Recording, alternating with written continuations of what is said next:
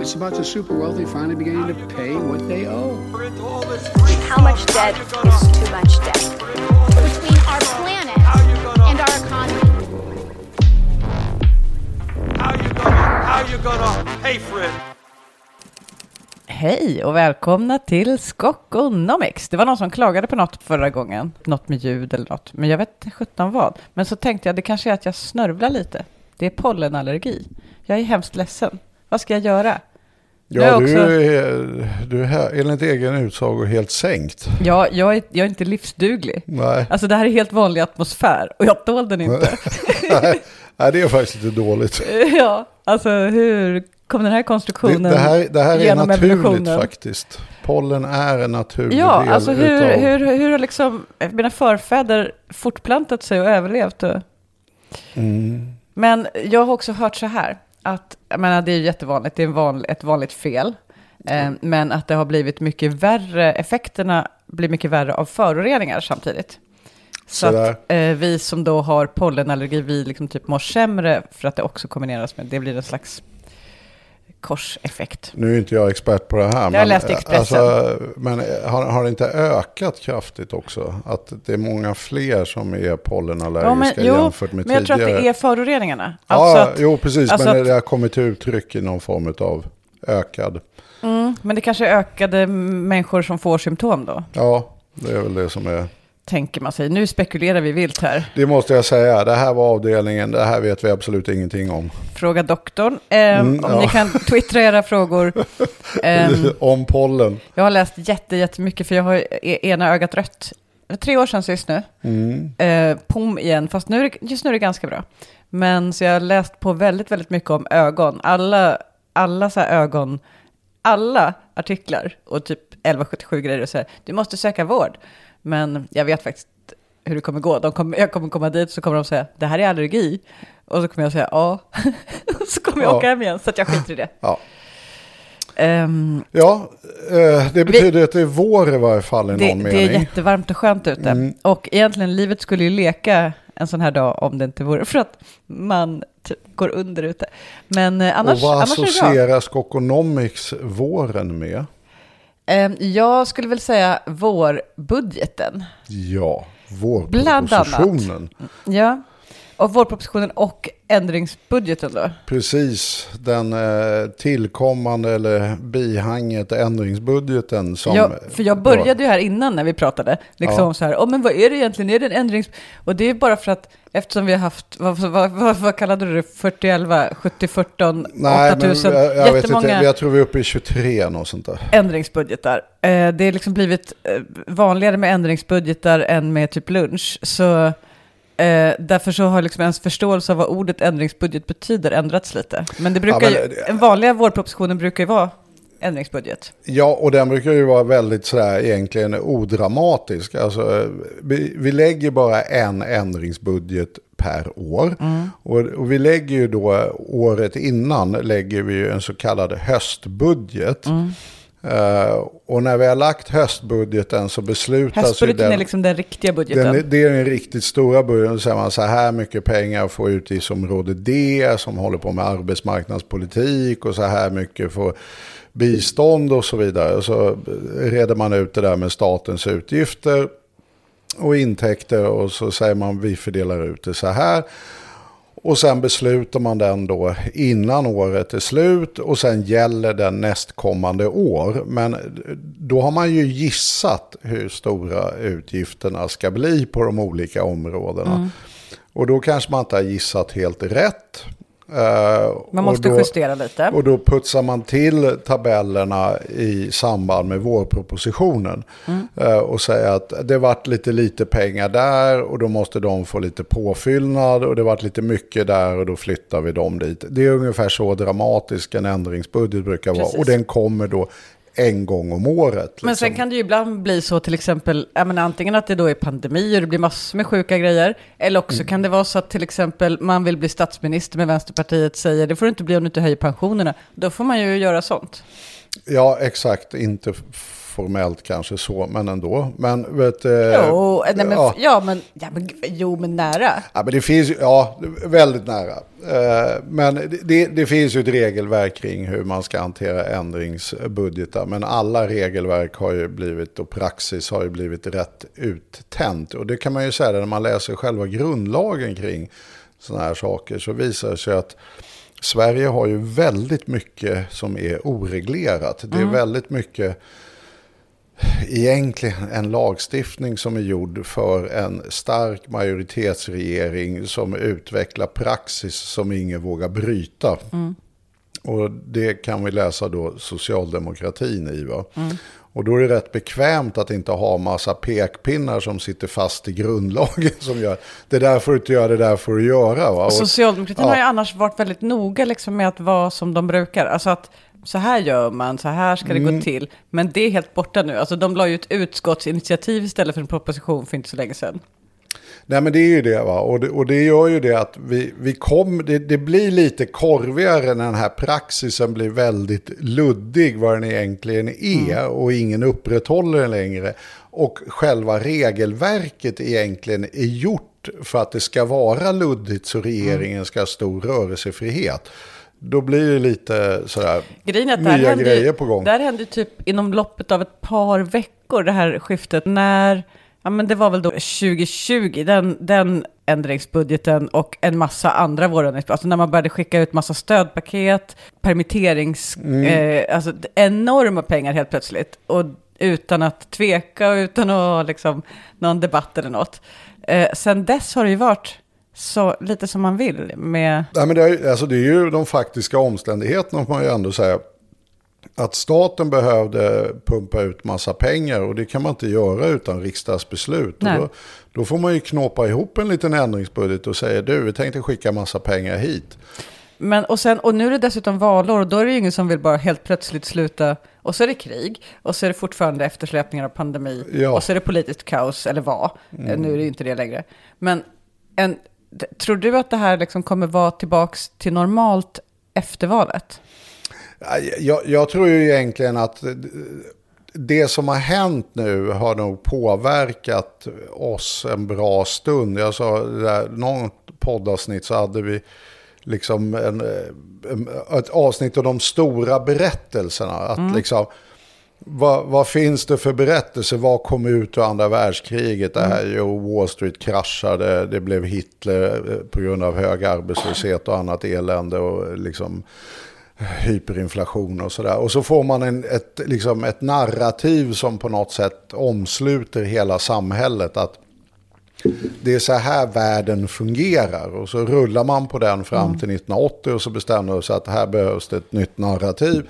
Och så fick vi en ny stor samhällsberättelse. Liksom. Och, och jag tror ju faktiskt att det här kommer att eh, påverka vår samhällsberättelse. Vilket då det här? Det här, Alltså- både pandemin och Ukraina-kriget kommer göra att vi kommer ha en liten annan samhällsberättelse Mm. efter det här än vi hade innan. Så att jag tror inte helt enkelt att allting går tillbaka och var precis som förut efter. En grej som jag tycker då är också, de går inte ihop. För att krigsnarrativ, de, de har en, en speciell dynamik när det gäller budget och ekonomi.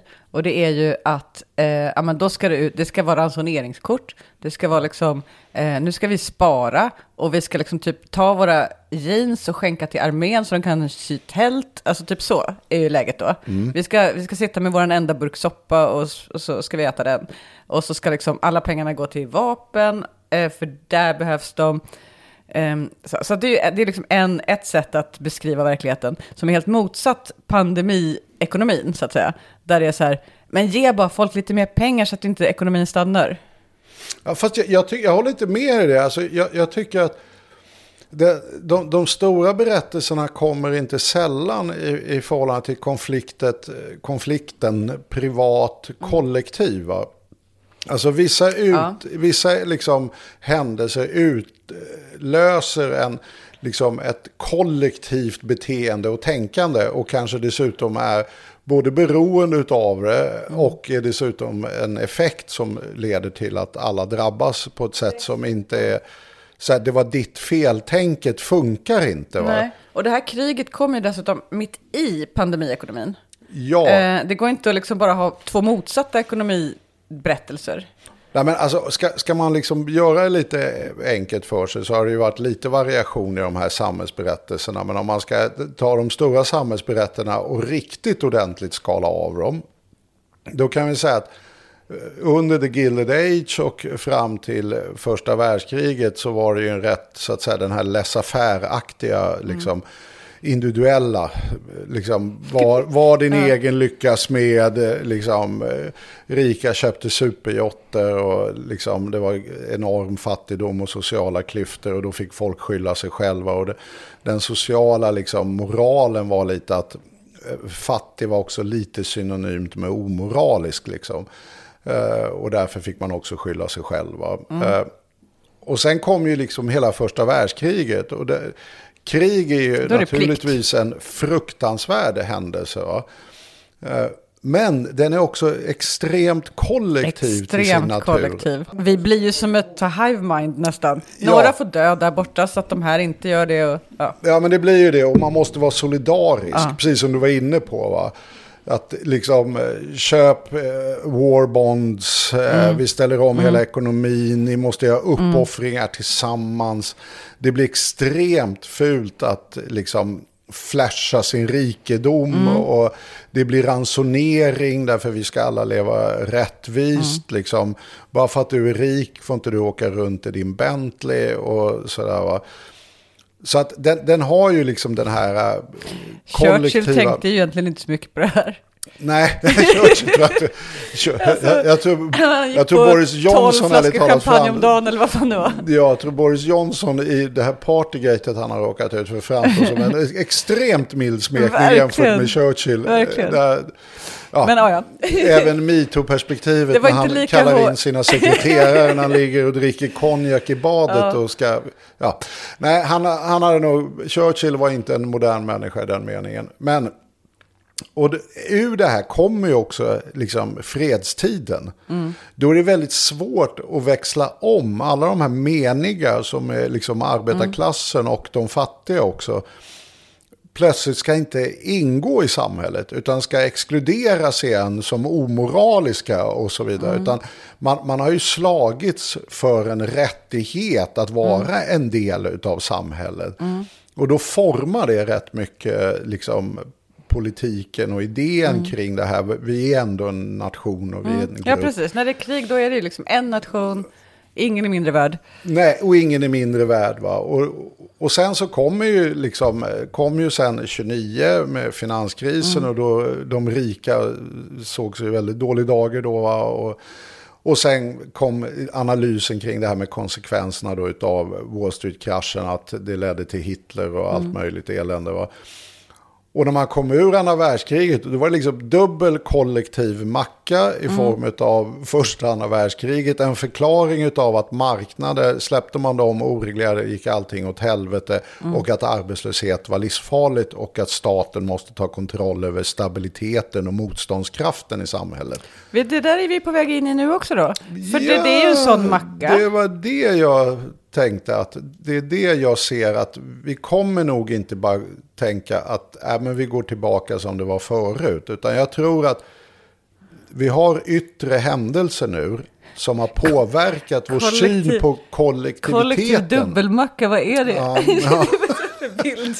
ja, det kanske var lite slarvigt uttryckt. Men Men det är i alla fall du, dub, dubbla lager av kollektivt tänkande, både pandemin och kriget som vi har nu. Ja, och, det, och, det, och jag tror att det här är ju så här, utifrån mina utgångspunkter och den samhälls och politiska och ekonomiska analys jag har gjort, så har jag alltid ansett att Den vi kallar skokonomics. Exakt.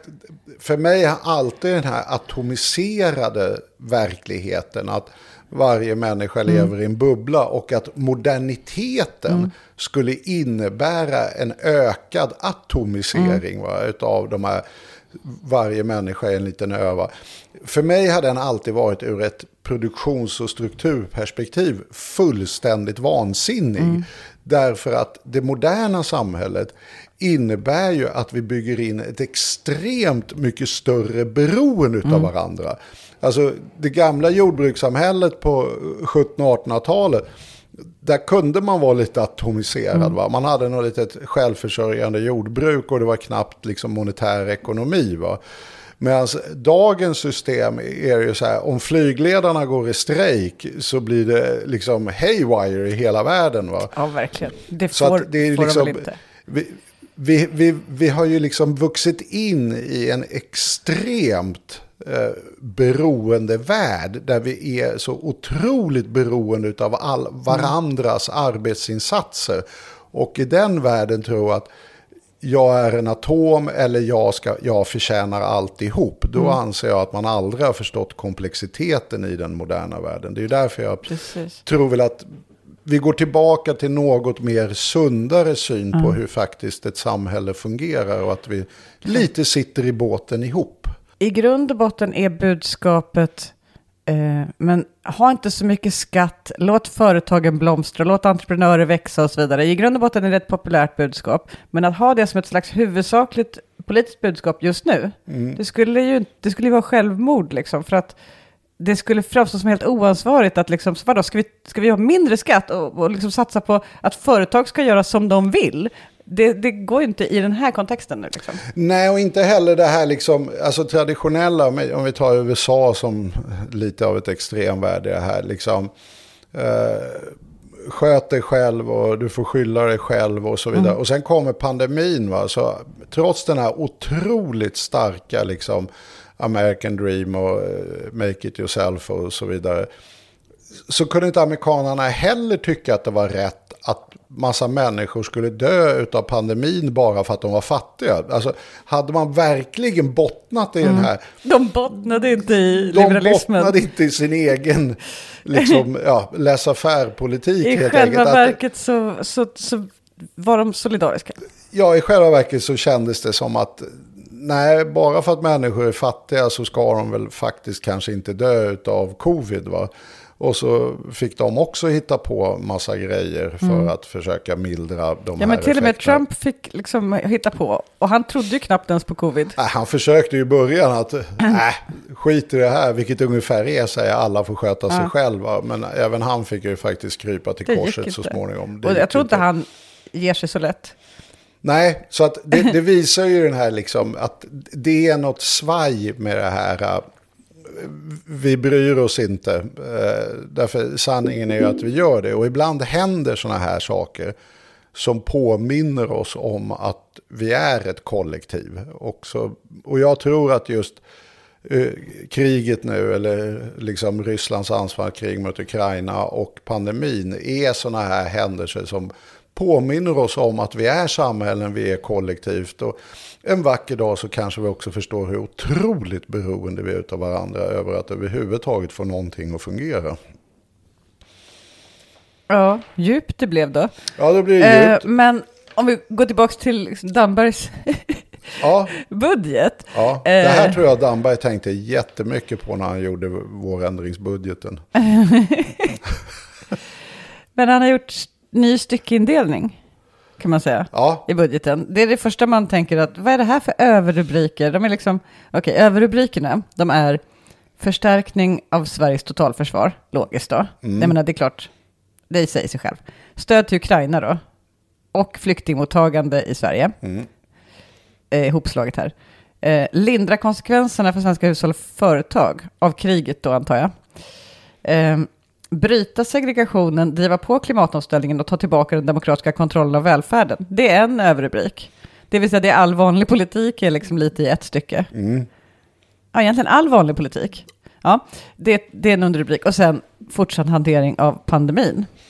Så att så är liksom budgeten numera indelad där i tabellerna. Så, så brukar den inte riktigt vara. Alltså eh, en, två, tre, fyra utav de här rubrikerna brukar inte vara med alls. Och den Nej, femte där- brukar vara de olika rubrikerna så att säga. Det där är såna här människor som jobbar med sånt som du jobbar med. Där, där har partistrategerna suttit och liksom Sorterat piffat här- ihop en liten valstrategi som de har försökt, deras egna rubriker, vad de vill sälja, ska liksom in i budgeten och så har man sorterat efter Mm. det. Jag skulle ha lagt konsekvenserna, lindra konsekvenserna för svenska hushåll och företag, liksom ihop med uppe där med förstärkning av totalförsvaret. Ehm, så att det liksom blir så här, typ, nu bygger vi Sverige starkt. Ja, Ehm, ja du, hade ju, du hade ju mer haft Bygg Sverige starkt som en Mm, rubrik det hade jag. förmodligen. ja, det hade jag. Ja, det Eh, hade du. Men de har i alla fall tagit tillbaka kontrollen, det hade jag också haft. Ja. Fast, ja. Okej, men om vi då går igenom, jag säger då eh, här liksom några av de stora posterna och så får du berätta för mig vad det Ja. är i dem. Eh, men, jag, jag tror att förstärkning av försvaret behöver vi inte prata om. Det, det är inte så mycket och det är inte så, alltså, de här stora satsningarna de kommer ju senare. Men sen har vi då stöd till Ukraina, där är det ja, men en, en miljard till Ukraina drygt, men 10 miljarder till flyktingkostnader. Mm. Vad, vad består de i då? Nej, men det är ju, det, där har, jag är ju faktiskt gammal sidaekonom en gång i tiden för 2000 Just år det, sedan. det hade jag glömt. Ja, det är jag faktiskt. Det var så jag började mitt liv. Mm. Kom ur mammas sköt och blev sidaekonom. Eh, Och tryckare. ja, det var... Det får vi inte glömma. Medan jag var på universitetet ja, så hängde jag som tryckare. Ja, nej, du, det är ju helt enkelt eh, insatser i Sverige som kostar pengar i Sverige för att ta hand om den flyktingvåg som nu kommer i spåren på ryska anfallskriget. Det Men- kostar ju lite pengar med boende och andra Exakt. insatser. Är det här ett annat sätt att hantera, jag tänker så här, är det här att staten går in med mer pengar än vad man annars skulle göra till kommunerna för boende och... Ja, till alla möjliga tror jag man går in i. Det, det där är ju en samlingspott för vad de här flyktingkostnaderna är. Det är ju Mm. mest boende. Så att, För visst är det väl, det är väl kommunerna som normalt betalar det? Nej, eller? Nej, det är staten betalar en peng. ja, alltså det är ju staten som ursprungligen tar på sig kostnaden. Och sen vet inte jag exakt faktiskt hur fördelningsmekanismen ser ut. Men många av de här, vilket det har varit en del skriverier om, är ju olika privata entreprenörer som spikar ihop De ett boende. nästan, Till va? exempel Bert Karlsson. Jan Emanuel. Eh, Så jag vet faktiskt inte riktigt hur de här pengarna flödar ut. Du, ska vi det- starta ett sånt? Eh, nej, Tjänar tack. lite pengar? Nej, välfärdsprofitör känner jag att jag inte behöver ha på CVt. Men jag har ju ett, ett lekhus på... Ja, du, min ja, tomt. du, du har det ja. Du startar Den- ett på tomten. Men jag tror att de här, det krävs nog, det är säkert kvadratmeter krav och sånt. Att man måste kunna stå upp inomhus. Ja, ja det, det kan vara vuxen. sånt. Men det där är ju, det, det som är bråket där, vilket det faktiskt har varit väldigt lite bråk. Mm. Men jag förstår ju att man har omdisponerat medel där. Så att man avser väl att plocka det här ifrån biståndsbudgeten. Mm. Och biståndsbudgeten traditionellt brukar ju tänkas att den ska gå till verksamhet utanför Sverige, helst Mm. då i utvecklingsländer. Eh, Och helst fattigdomsinriktat. Det känns som att det där är ett bråk varje budget. Ja, och här blir det ju lite korvigt därför det är inte ett fattigt land i den meningen, Ukraina.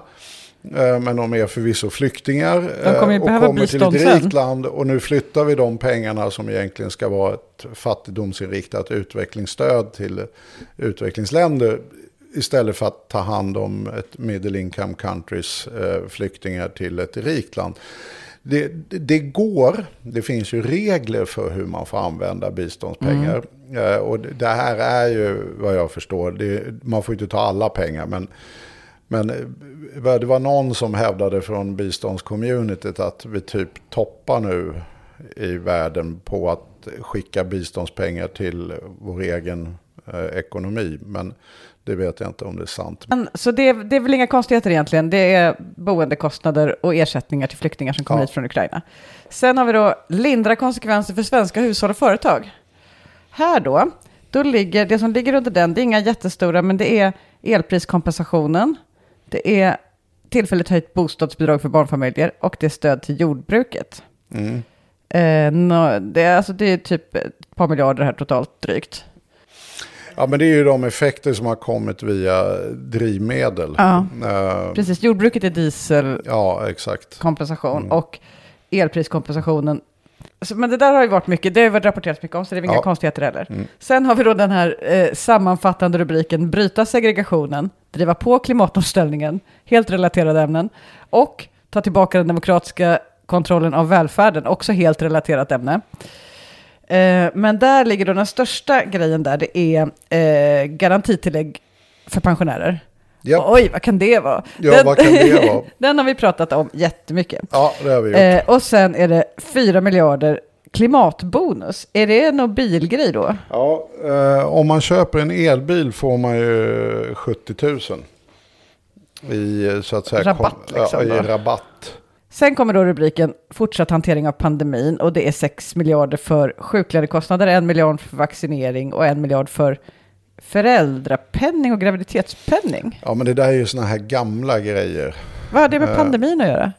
Jag, jag tror det är allmänt utökade kostnader som Mm. kom i samband med det. Och, och då ligger de där helt enkelt. Och det där är ju...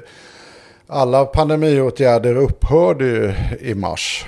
Eh, så att där är det ju insatser som eh, ska täcka då företagens, det är ju den stora posten, jag kommer inte ihåg vad den är, den är vad är den här höjda sjuklöneersättning? Eller Mm, ersättning? 5,8 miljarder, ökade Ja, kostnader för höga sjuklönekostnader. Ja, det är ju eh, den mer eller mindre eh, största posten bort, bortsett ifrån flykting. Men det är ju liksom inte... Det är ju inte Mm. något nytt i den meningen. Det är ju alltid lite så när man... eh, Eller när Om många är sjuka blir det högre sjuklönekostnader. Ja, men det är ju den här höga sjukfrånvaron under pandemin så har ju vet du, företagen fått ersättning. För det är både att folk har varit sjuka och att folk inte har fått gå till jobbet lite snoriga. Ja, exakt. Men det har ju lett till en väldigt hög eh, frånvaro, helt enkelt. Eh, så att, men det, det där är ju lite lustigt. Just det här regeringens sätt att paketera grejer som gör att Ja. ibland är lite knepigt. Det står ju så här, ja men nu har vi lagt eh, reformer för 35 miljarder här, vilket luktar ju mer att det är en höstbudget än att det är en vårbudget. Men det är ju egentligen, det är garantipensionerna, miljöbilen. Ja, och miljöbilen är ju bara att upp... Liksom, Det är väl det som är reformer här egentligen, som inte men- är så här typ nej, täcka upp för- Miljöbilen är ju inte en reform. Va? Alltså reformen finns ju redan. Ja, Eh, så kan man säga. Men det är åtminstone de en fyller- slags satsning De på något. fyller på kontot så att Det är inget fler... de var tvungna att göra. Nej, det var de inte. Men de fyller på kontot. Det gjorde de för övrigt med elcyklarna också. Att det, de sålde ju mer elcyklar och då räckte inte de ramade pengarna. Och då måste man fylla på kontot när folk springer och köper elcyklar eller elbilar. Liksom. Så att det, det är väl inte någon, eh, jag skulle inte säga att det är en ref, förändring eller reform. Det är väl mer möjligtvis faktiskt tra, mer traditionell ändringsbudget. Pengarna tog slut, vi behöver fylla på kontot. Okej. Men för Eh. den sista posten här heter oundvikligheter 1,4 miljarder. Men det, det känns ju som oundvikligheter är vad liksom det mesta av den här består av lite grann. Nej, det inte jag säga faktiskt. Alltså garantitillägget är ju en genuin reform. Ja, men jag menar faktiskt. alltså de stora posterna. Alltså flyktingmottagande. Okej, det är klart att vi inte måste ge en miljard till Ukraina. Men lite oundvikligt känns det. Eh, alltså det känns som att så här, typ, alltså det, det är inga, de, de flesta av posterna här är ju inga satsningar. Utan det är ju garantitillägget. Ja, det är ju åtaganden i olika meningar. Att vi hade liksom de här pandemiåtagandena, de fortsätter ju att liksom, man måste fylla på de kontona. Vi hade den här klimatbonusen för elbilar, kontot är slut, det är dags att fylla på det igen. Ja, och andra grejer är så här som en miljard till Ukraina. Visst, det hade vi kunnat strunta i. Men hur hade det sett ut va? Ja, och framförallt var det ju ingenting som var en reform Nej. i den meningen. Va? Utan jag, jag skulle nog skala ner det där till större insats om man nu bortser från lite de här kaffepengsgrejerna. Är väl egentligen garantitillägget. Det är ju det. Det är ju det. Eh, Och det är också det som då alla, både oppositionen och regeringen har pekat ut som att det är det som är det kontroversiella i eh, den här ändringsbudgeten. Att det är det det kommer bli bråk om. Sen så kanske, sen har väl Sverigedemokraterna flaggat för att de vill flytta lite mer pengar till polisen och så här, men det är väl mer kanske mest signalpolitik liksom. Men men det är den stora, och då tycker jag att det är lite roligt att det där var ju ett visst balaho kring, om inte jag missminner mig. Ballaho. Balaho, ett eh, ståhej kring det här med garantitillägget. Att det där kom ju i samband med att Vänsterpartiet krävde någonting helt enkelt för att släppa fram Magdalena Andersson som statsminister efter Stefan Löfven hade avgått. Och det var ju rätt mycket skriverier om eh, förhandlingarna hit och dit och så vidare. Ja, det var, det var, det var ganska väl etablerad eh, politisk berättelse kan man säga. Ja, men det tycker jag man ändå kan säga. Sen så var det, det som har varit svårt, tycker jag, så här, typ är, jag menar, för att är, konstruktionen är ju liksom inte jätteenkel att begripa sig på. Alltså att det är, ja men det är ett garantitillägg, vadå garanti, vad betyder det? Och så, så det har ju varit mycket så förklarande i olika medier om, okej, vilka, peng, vilka är det som får pengen? Det har varit ganska liksom noggrant genomgånget, just för att det är lite svårt att begripa. Hur mycket pengar blir det till vilka? Och så har den stora debatten varit, men är inte det här lite orättvist mot de som ändå har jobbat lite mer då? Eh, och har lite högre inkomst, de får inte då liksom den här skjutsen uppåt nu. Eh, och så har det varit debatten egentligen. Ja, och sen får man ju erkänna att det här är ju inte ett jätteokomplicerat system. Så att det är också det att eh, den debatten jag har sett har ju handlat om, eh, ja men allvarligt talat, ger det mig det här några pengar eller inte? Va? Ja. I den meningen att du har ju oftast pengar från flera olika källor. Va? Jag menar om man tar det som är allmän pension, Ja.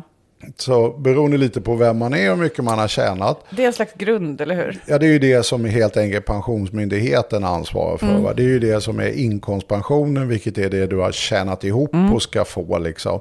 Sen är det då någonting som kallas för inkomstpensionstillägget. Mm, här det- börjar jag bli osäker. Här börjar det bli svajigt. Eh, och det är ju då egentligen, en, ja, om man ska vara helt ärlig, det var ju en abrovink för januaripartierna att göra någonting med pensionerna. Exakt. Och de tyckte så här när, i höstas då, nej, man kan inte göra något som inte går genom pensionsgruppen. Men det här var ju exakt en sån grej då. Det var, den här då gjorde de ju så att de kom överens om det där och det ska man ju då egentligen göra i pensionsgruppen. Och här har vi den heliga pensionsgruppen som i all sin enkelhet egentligen är bara en kohandel mellan S och M. Ja, det råkar vara, ja precis. Att man kom överens om över partigränsen av blocken att vi ska inte bråka om pensionerna. Varför gick Moderaterna med på det här då? Inkomstpensionstillägget? Nej men det var ju Centern som också Jo, jo, men det skiter väl Moderaterna i? De hade väl inte behövt, de hade väl kunnat bråka jättemycket om det här? Ja, det hade de ju definitivt kunnat gjort. Gjorde de inte det? Vilka Eh, svikare? Ja, de gjorde inte det utan de tyckte så här, okej, men det är väl bättre att vi låtsas att det här var med från början och så godkänner vi det i Men efterhand. hur tänkte de? Ja, ja. Och det här var ju då, och det är det som är grejen. För Därför nu att- bråkar de ju. Därför, sen har vi ju nämligen premiepensionen, vilket är ju då där vi tvingas att peta in i finansiella sektorn. Eh, Just det, det, det, det, fondsparande. Ja, och det var ju gamla Folkpartiets eh, liksom, prislapp för att eh, liksom, godkänna en reformering, att pengarna skulle gå till banksektorn Aha. istället för pensionärerna. Ja.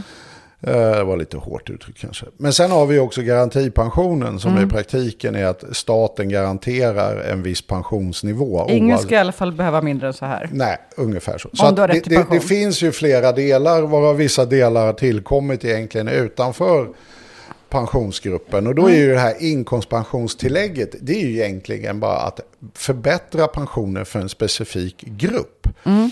Och den gruppen är ju de som inte då vet, eh, Inte har garanti- sämst ställt. Det är inte garantipensionärerna. Utan det är de som är liksom lite ovanför. Man kan säga att De är över garantipensionsbeloppet, så de har också inkomstpension. Ja, det är lite så här fullt arbetande, vilket då inte är standard. Kommunalare med något högre lön kvali- kvalificerar in där va. Alltså en undersköterska då? Ja, fast då får man ju inte ta en typperson, därför de har ju jobbat deltid och så vidare va. Ja, just det. Då, Men, då ligger ju de nästan alltid i garantipensionsspannet istället. Så men det att- kanske är en förskollärare? Nej, Ja, de har det, kanske- är, det är någon ja. så här mellan, inte lägst Det är avlönad. inte städaren och det är som har inte jobbat vårdbiträdet. mycket eller jobbat Mm. hela tiden och jobbar kanske då fulla pensionsår, vilket inte heller gäller alla kommunalare. Va? Det vill säga Nej. man går i typ 65-67. Många sliter ut sig. Ja, de gör ju det. Va? Så att det, det, det är någon sån, men, men det, det är liksom ändå så här, jag vet inte ens vad jag ska kalla det för inkomstgrupp. Liksom sämre ställda medelinkomsttagare där någonstans. Alltså det är inte låginkomsttagare det riktar sig till i pensionärskollektivet, utan Vi rör sig liksom i gränslandet här mellan låginkomsttagare och medelinkomsttagare då. Ja, exakt. Där någonstans kan vi säga. Va? Där liksom... De här som har lite svårt att definiera huruvida de är låginkomsttagare eller inte. Ja, de som har det egentligen hyggligt bra jämfört med många andra. Va? Ja, men om man tar till exempel, det är ju gruppen över garantipension helt enkelt. Och då ska man ju ha med sig att ungefär hälften av alla kvinnor som har pension har, är i garantipensionssystemet. Jag tycker det låter som att den här andra gruppen skulle vara ganska stor också. Ja, men den är hyggligt stor faktiskt i population. Eh, Så att det träffar ju inte de här som har högst inkomster, därför det sker en avtrappning av det här inkomstpensionstillägget. Så att den träffar just den där lilla mittenpopulation, nedre, häl- nedre mittenpopulationen helt enkelt. Eh, Och den är från, från då 2019. Januariavtalet Ja. var det ju de som beslutade om den. Va? Och sen då så blev den ju godkänd i efterhand i Och pensionsgruppen. den pratar vi inte mer om. Nu kommer ju då ytterligare en beståndsdel Ja. till detta system. Eh, och det är ju det här garantipensionstillägget. Mm. Till skillnad mot då inkomstpensionstillägget. Mm. Så det är inte så konstigt att det är lite kruxigt det här va. Och det som Eh. har varit svårast för medierna tycker jag här att förstå är eftersom den är i bostadstilläggssystemet att det inte har med bostadstillägget att göra. Ja, exakt. Och det, har, det, det är ju inte heller i bostadstillägget. Man har använt bara en juridisk system- konstruktion Det är väl kring det. i det liksom bygget. Ja, det är, det är ju bara, egentligen är ju språket där bara använt för att det just inte så formell mening ska krocka med pensionsgruppens uppdrag. Det är, det är rätt mycket juridik och Så gränsdragningar. egentligen är det bara liksom besvärjelser det här vi pratar om. det, det, det är en teknisk abrovink för att göra det så att det inte ligger inom liksom, eh, pensionsgruppens mandat. Ja, men hur mycket tekniskt ligger det då i? Alltså är det verkligen tekniskt eller är det... Det är bara tekniskt. Därför att det, Men jag menar, är det, är, är, är, det, är det inte till och med så att liksom inte ens är det då? Alltså typ att det bara är språkligt egentligen? nej, det finns vissa tekniska juridiska delar man har lånat där. Men det, i praktiken är det. Därför att ett bostadstillägget söker man ju. Mm. Och det relaterar ju till att du har en kostnad och så vidare. Va? Som, Mm. Och det har med ja. bostad att göra. Och det har det här har ingenting med bostad, det är inget man söker ut. Alltså det har ju, ingenting, det har ju inget det, gemensamt. det betalas ut automatiskt precis som garantipensionen. Det går till alla. Eh, alltså det, Men vad har det då med bostadstillägget att göra? Alltså på vilket sätt har en teknisk juridisk koppling? ja, man, man använder ett eh, lagutrymme där. Jag ska inte gå in på alla detaljer. Jag tycker fortfarande det låter mer som ord än som teknik. det finns ett konsumtionsstöd Mm. i bostadstillägget som inte är ett bostadsbidrag. Och det konsumtionsstödet har man omvandlat. Vadå, vem får det då? Det får ju alla som får bostadstillägg. Alltså okej, så att bostadstillägget, då har man beräknat då att du behöver så här mycket till din bostad och så lite att handla för. Exakt, och det där lite att handla för. Alltså allt det här beror ju på att Du- pensionsgruppen har så grovt underlevererat. Så man måste lägga till lite. Det räcker Man- inte med bara bostaden. man måste, lappar här får och du lite lagar- extra för att annars ja. så, så har du inget att äta. Man lappar och lagar lite va. Och då har det Jag blivit fattar. Mm. så här, ja, men, vi har liksom i Norden absolut mest fattigpensionärer. Mm. Och många av de här fattigpensionärerna har bostadstillägg. Mm. Men inte alla, därför många tycker också att det är skamligt att söka bidrag eh, och så vidare. Mm. Och då har de ju tänkt att de här har det ju så otroligt mögligt. Så om vi ger dem också en liten extra peng i det där systemet så har de inte bara råd att bo, de har till och med råd att äta lite. Va? Eh, och då finns det här konsumtionsstödet där. Va? Och det är ju ett sätt att liksom, ge de här grupperna lite bättre levnadsstandard helt enkelt. Eh, Då kan man ju skära ut det där och säga att nej, men vi struntar i att man behöver söka det och vi struntar i allting annat. Utan vi gör det egentligen bara som en pension till allihopa. Och då har man liksom på något sätt ändå teknisk mening rundat pensionsgruppen. Men det är ju... Men vet du vad jag tänkte när, när, när vi började prata om det här? Det var ju liksom så här att det vi skulle, vi skulle säga liksom typ så här, ja så är det så här. Och så skulle vi typ inom ett par minuter landa i, men så svårt är det ju inte för det är ju så här enkelt. Och så vart det så här istället. Ja, men du ställer så mycket frågor hela tiden. Ja, jag vet. Eh, vi får väl klippa bort allt det här så får vi bara låtsas nu så här. Ja, så Ja, det var så här det. enkelt. Nej, men det är det. Men För det är egentligen är det bara liksom typ det en är- peng. det- Det här behöver man ju inte känna till. Nej, vi vet ju också att, att våra lyssnare gärna känner till. Så att det här är för dem, exklusiv Och överkurs. dessutom blir det ju så att när man gör då en sån här sak, det var därför jag menar folk Mm. undrar så här, men får jag några pengar? Därför det beror ju på hur då gör avräkningar mot alla andra Mm. system. Till exempel bostadstillägget är både stort och väldigt viktigt för stora grupper av pensionärer. Och om du då trycker upp deras inkomst Mm. Och så blir de av istället med bostadstillägget, då kan man ju få sådana här elakartade marginaleffekter som det det heter. Då. jättetaskigt. Ja, och därför måste man ju konsekvensändra i bostadstillägget så Ja. att det här inte händer. Och det är ju gjort i det här förslaget. Eh, Och alla sådana saker är justerade för. Så att det här innebär, och det är det enda egentligen man behöver veta som vanlig väljare eller journalist, att det här är i allt praktiskt och väsentligt en garantipensionshöjning Ja, med tusen spänn. alla garantipensionärer Ja. får en höjning Ja. upp till tusen. Och sen har vi dessutom en avtrappning. Så det är en halv miljon som får den fulla tusenlappen. De fattigaste. Skattefritt. Och det är de fattigaste. En halv miljon fattigast, alltså det är en halv miljon. En ha, en ha, finns det så många pensionärer, eller på? Alltså finns det så många? Ja, det gör ju det. Och det inte minst finns det väldigt många kvinnliga Det pensionärer. finns ju bara 10 mil, miljoner svenskar. Ja. Och en halv miljon av dem är fattigpensionärer. Ja, Hur det- sjukt är inte det? Ja, nu vet Förlåt. inte jag exakt vad definitionen för Nej, fattig... men okej. vi, vi håller oss till Jag använder bara mitt ungefär vanliga... 600 000 Ja, utav dem En är... halv miljon av dem är pensionärer som har det skitdåligt. Ja, vi brukar, man brukar säga att, eh, vilket varierar tyvärr, men... Jag man, blev bara någonstans- upprörd över dimensionerna här i samhället. Ja, men garantipensionen är ju låg. Det är ju det Ja. man har misslyckats med. Att se till att de som har det sämst ställt bland pensionärerna, att deras inkomstutveckling hänger med. Eh, och, de, och de är i runda slängar 600 000 utav våra Mm. pensionärer som ligger i garantipensionen. Egentligen minns jag allt det från i höstas, men det är mycket alltså. Ja, ja nej, men det, det, är ju, det är jättemycket. Och, och det är där man kan bli lite upprörd när man ser så här pensionärer har det jättebra. Och ibland är ju Pensionsmyndigheten Exakt. ute i sådana här... Och det är liksom... Det är lite sådär... Jo, men om du stoppar ner ena handen i en ishink och sen den andra på plattan så har du jättebra medeltemperatur. Och det är ju så det ser ut för Vi pensionärerna. snackar ju liksom inte bara en stor del av Sveriges pensionärer, vi snackar en stor del av Sveriges befolkning. Ja, ja, det är många människor. Så att det, det här är ju då, i allt väsentligt är det helt enkelt en garantipensionshöjning. Japp, det var superenkelt förklarat av Ja, och det, och det leder till att en halv miljon människor får tusen spänn skattefritt utan att ansöka eller någonting. De får det utbetalt precis som sin vanliga pension och så vidare. Va? Så att det, det är, men Alla är inte grund- glada.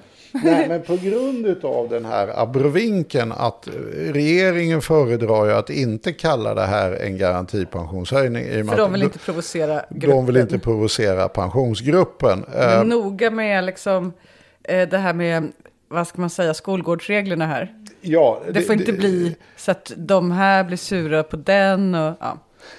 Och det här är lite olyckligt rent kommunikativt skulle jag säga. Därför det, det förvirrar ju lite när man eh, ja, blandar in andra Men jag grejer. tycker de har ändrat sig lite. För att förut så var de jättemycket så här, att det här lät supertekniskt. Men när jag lyssnade på Damberg när han presenterade det här Mm. nu, så låter det ju jättemycket som att det är tusen kronor mer för pensionärer som har det Ja, sämst det, ja, men ställt. det håller jag med om. Det, det, det börjar Han låta... har liksom gått med normal language på det här. Ja, och det är ju det det är de facto då.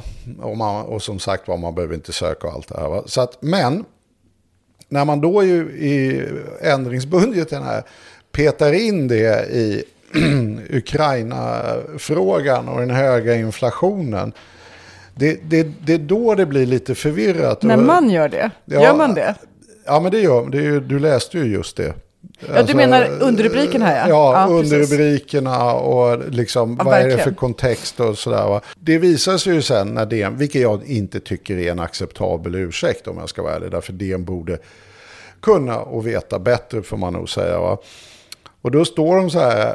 Alltså det här är DNs beskrivning av budgeten då? Ja, det här är fattigpensionärer och barnfamiljer vinnare i vårbudgeten. Det var åtminstone en anständigt korrekt rubrik. Eh, Men sen så står det, för att dämpa de höga prisökningarna på el, drivmedel och livsmedel utlovas pensionärerna i framförallt inkomstgrupp 2. Det vill säga det med näst lägst pensioner, ett särskilt garantitillägg. Alltså det där Men vet jag vänta, inte för riktigt. el, drivmedel, det är ju andra budgetförslag. Och det har Det finns- väldigt lite med eh, det här garantipensionstillägget att göra. Det har ingenting med det att göra. Pensionärer, de kör så mycket diesel. Pensionärerna har helt enkelt halkat brutalt efter i inkomstutveckling och på ett sätt som gör dem fattiga idag. Det här genomfördes det ju också innan någon visste att det skulle bli krig. långt, långt innan någon visste att det skulle bli krig och att bensin och diesel skulle Utom stiga. kanske Putin. Men det, det, det, är lite det här när man bara kokar soppa efter liksom nutida läget. Och Ja. så blir det så här, Det där är väldigt förvirrat Sandro. Det där är jätte, jätte, jätte förvirrat. Ja. Läs det igen. Alltså, För att dämpa de höga prisökningarna på el, drivmedel och livsmedel utlovas pensionärer i framförallt inkomstgrupp 2, det vill säga det med näst lägst pensioner, ett särskilt garantitillägg. Det är ju förvirrat, därför, ja, det till att börja med inte rätt inkomstgrupp va? nej, därför det, jag vet inte riktigt var de har fått det ifrån, därför det här skulle jag ju beskriva just eh, inkomsttillägget. som Inkomstgrupp talar, två måste ju vara, då pratar vi deciler eller hur? I, Vi- I pensionssystemet på något vis. Alltså det måste vara så att de tänker sig tio inkomstgrupper. Vilket inte framgår Nej, riktigt om, om- det är det om jag ska vara... Det, Nej, det kan ju vara... Alltså det kan ju också vara tre, ett, två, Ja, tre. det kan det vara. Eller, Det kanske bara är två, det här är de kan, det, det rikaste. kan ju vara kvintiler liksom. Ja, alltså, alltså det. det framgår inte alls Nej. vad det är. va? Men det är i alla fall inte... de, de kallar det för inkomstgrupp två. Såvida det inte är så att, de, att DN här då utgår från att det finns två inkomstgrupper, en fattig och en rik. Ja men då, då blir det ju, nej, det, det, det är en allt fel. Det, det, är ändå, Det det, står det är ändå inte då, sannolikt. men de med näst lägst pensioner. Men vi vet ju inte, Samhällskunskapsprovet, vilka inkomstgrupper finns i Sverige? Fattiga och rika. ja, ja Inkomstgrupp men det är inte så vanligt. Du kan ju även dela in inkomstgrupper i kvintiler, det vill säga fem lika stora Ja, grupper. vi vet så att inte. Okej, det, men vi, det är i alla fall inte... Vi har ingen aning. Men enligt dem så är det nu i varje fall inkomst. Det är ju Oklar- dessutom ingen jävla inkomstgrupp, utan det är ju de som har garantipension. Alltså det är ingen inkomstgrupp det är på det de viset. som har garantipension är ju de med lägst Ja. pension. Eh, Så att jag vet inte riktigt var de har fått det ifrån. Men, men sen har de ju det här med att det här är då en kompensation för el och drivmedel och livsmedel. Och sen så kommer dessutom då i själva beskrivningen så kommer det tillfälliga tillägget väntas ge runt 500 000 pensionärer cirka 1000 kronor De i måste ju månaden. tro att all, allt det här snacket om drivmedelskompensation och el, eh, elpriskompensation, det är samma som...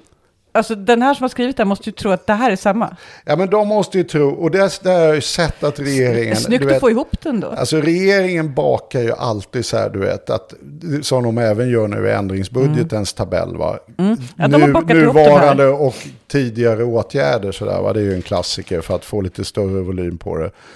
Eh, om du tittar på den här tabellen så står det ju högst upp där, tidigare och nya åtgärder. Mm. Men det är väldigt tydligt i den här tabellen. Alltså, Det håller jag med Här om. är det jättetydligt att det finns en kategori som är, ja men det blev krig så vi måste kompensera hushåll.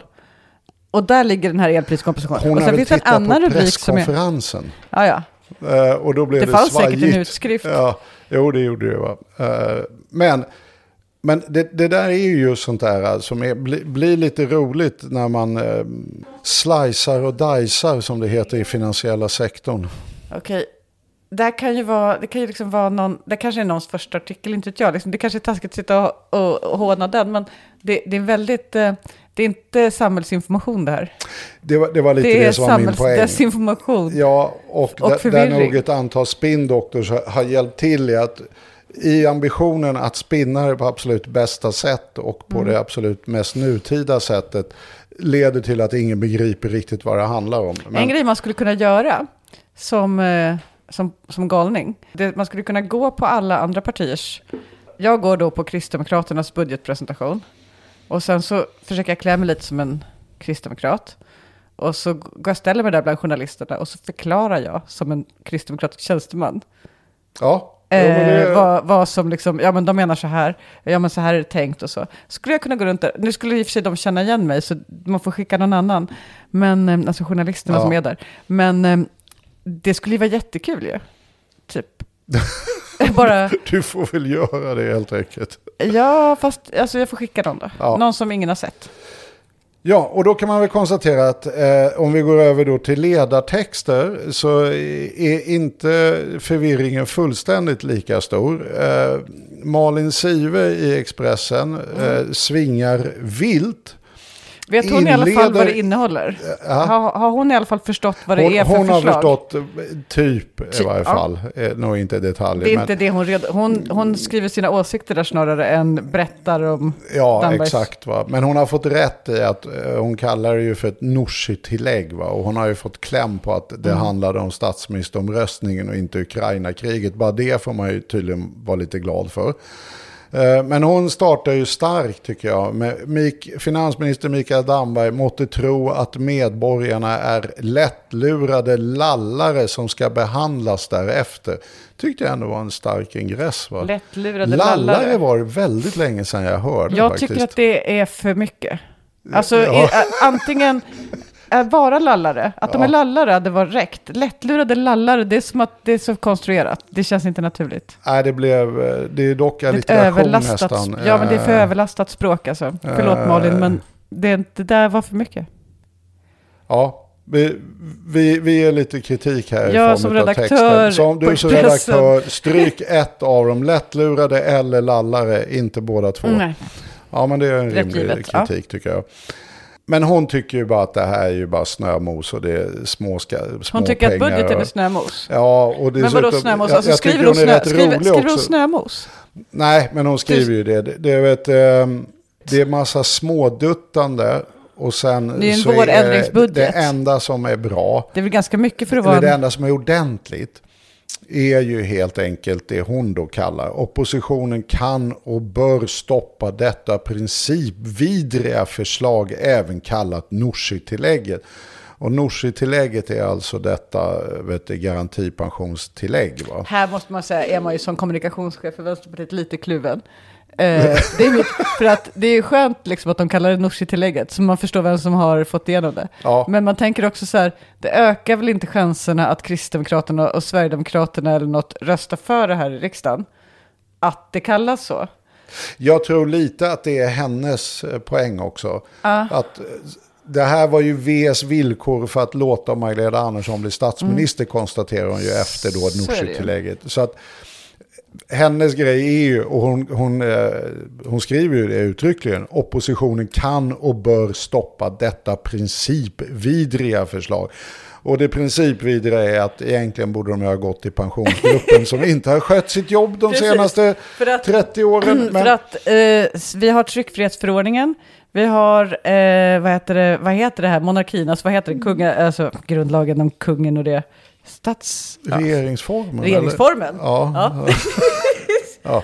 ja. Vi har, ja, vi har några grundlagar och så har vi principen om pensionsarbetsgruppen. Ja, ja, men den är viktig. Den, det här är principvidrigt ur den bemärkelsen såklart. Ja, nej, det, hon svingar vilt, men fick åtminstone rätt i vad vet du, ändringsbudgeten i huvudsak handlar om. Tittar man då på dagens eh, industri, så tyckte jag... De brukar var- väl vara lite noga? Ja, fast jag fick feelingen av att det är så här, är det någon som har läst ändringsbudgeten på redaktionsmötet? Och alla svarade så här, eh, nej, fan den är så tråkig. Eh, vad skriver vi då då? Ja, men vi, skriver, vi tar en bild på Micke Damberg när han håller upp budgeten. Och sen så skriver vi, så tar vi en av de här arkivartiklarna vi Kan man har. inte ta den där Linda skickade in förra året som vi sopade Ja, då? det, exakt. Det, man har en sån här litet lager av så här, vi har absolut ingenting att säga, men vad kan vi, liksom, vi tar någon av de här, då har vi det här med att liksom, eh, näringslivet och företagandet är viktigt. Det är en standardartikel. Va? Mm. Exakt. Det är för att, för att ekonomin ska gå bra så borde man satsa på företagen istället för de sjuka till exempel eller något. Ja, och de tog verkligen en sån artikel. Ja. Det, Så DI tycker det att det här om- suger för det är inte något åt företagen. det, det roliga är att de, de inte, jag, jag, tyckte, jag tänkte också, ni kan väl liksom korrigera in att det suger och sen ta företagen och sen avrunda med. Finansministern borde sluta och se företagssektorn som en extern enhet.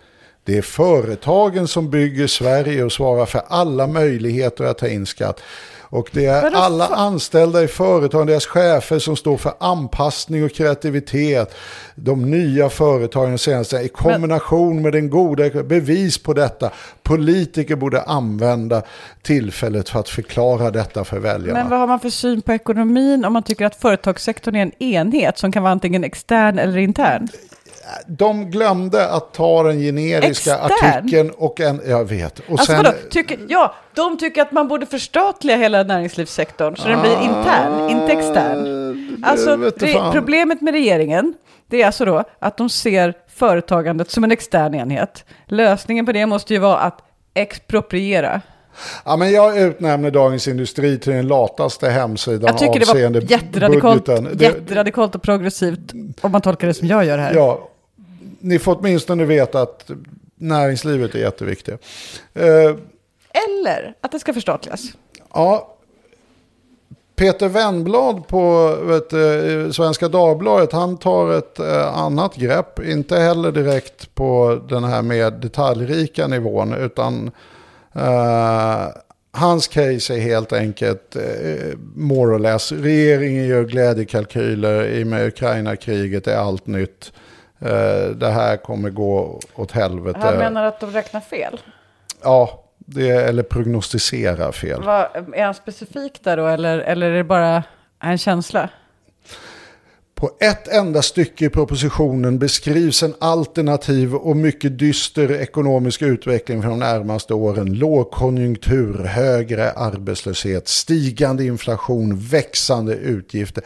Som alltså tyvärr också är det mest sannolika. Tyvärr. Men inga slutsatser dras om vad som måste göras. Och sen så ger han faktiskt en däng till oppositionen också och säger inte de heller. Så han har en light mörkersyn men ingenting eh, i sak Nej. och invända kan man väl säga. Jag känner att jag kommer i loss på min ledarsida Ja, Det är väldigt nu. rolig mediekrönika vi får tycker jag. Ja, och här har vi då Dagens Nyheter. Vänta, jag vill också bara säga att de här skribenterna och eh, reportrarna är ju inte här och kan försvara sig. Och det finns säkert bättre stycken i de här, text, i de här artiklarna också. Som, om Sandra hade läst det absolut bästa stycket i varje artikel, då hade det låtit helt annorlunda. Jag vill bara Nej, typ, faktiskt inte. Men strunt i det. okej, Men, ja. jag bara gissade. Ja, men det var fel nej, va? nej, men jag har inte varit så elak faktiskt. Eh, Jag har inte läst de här själv, så jag får tro dig. DNs ledare free-rollar också. Alltså det är mycket så här free-rolling känner jag. Kan vi inte göra det här varje dag? Ja, Att du läser vilka som har Damberg fel? borde släppa loss sin inre Milton Friedman va? Det känns ju väldigt otidsenligt. Ett, det är väldigt otidsenligt. Jag känner ju Micke va? Ja. Jag är inte säker på att Micke har en inre Milton Friedman. Nej, jag är ganska Jag- säker på att han inte har det. Ja, jag, är, Alltså han är ju, han är ju höger för att vara sosse. jag kan peka ut en i regeringen men tänker avstå som har en inre Milton Friedman. Mhm. Men vet, eh, jag tänker inte nämna några namn här. Men det är Kan inte tänka- Damberg. Nej, Eh, Men han ska tydligen släppa loss sin inre och det är Friedman. inte Morgan Johansson. Och det är inte Morgan Johansson. Eh, ja, och det, det roliga med det är att det, det dras ju då paralleller nu på grund av den höga inflationen. Och det gjorde ju det också, att det var någon sån här, vi, på 70-talet var det så dåligt därför då hade vi inga företag, men nu har vi massa företag. Så att de drog också upp 70-talet och sådär va. Eh, men här, här dras 70-talet eh, och hela den här liksom gamla historien upp. Va? Att nu gör man sådana här åtgärder, va? kompensation. Det var ju trots allt en rubrik i vår eh, proposition eller ändringsbudgeten. Eh, och det var dumt, tycker de. Att, eh, de hade också, var också inne på att det var fel mellanrubriker här. eller? Ja, nej, de var nog inne på att innehållet, Innehållet, också okej. faktiskt var fel. Va? Eh, Så det ska inte vara någon kompensation för höjda kostnader? Det är det Ja, de säger? Och då säger de så här, det var det vi typ försökte på 70-talet. Alla kostnader eller bara el? Alltså typ även jordbruk och det, inga kompensationer? Nej, utan men tesen är ju, de försöker ju sätta en berättelse här skulle jag säga. Va? Alltså högersidan liksom, där DN ingår och svenskan och de andra. Att nu är det liksom, nu bedriver vi det som förr i tiden kallades för då ackommoderingspolitik. Vi försöker liksom stötta efterfrågan när utbudet svajar. Va? Eh, och det, det har de ju lite insikt i om att ändå det var inte vårt fel att soppapriset gick upp. Sådär, va?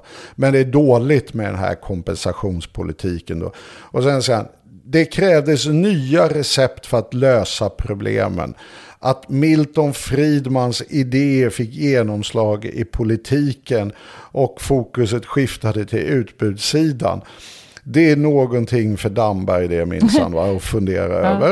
Eh, Det roliga är det att nu kan ju jag min Milton Friedman rätt bra va. Och det det handlade om var ju väldigt mycket om jämviktsarbetslösheten och strukturpolitiken och inte minst hans beramade artikel från 1968 som handlade om penningpolitiken. Va?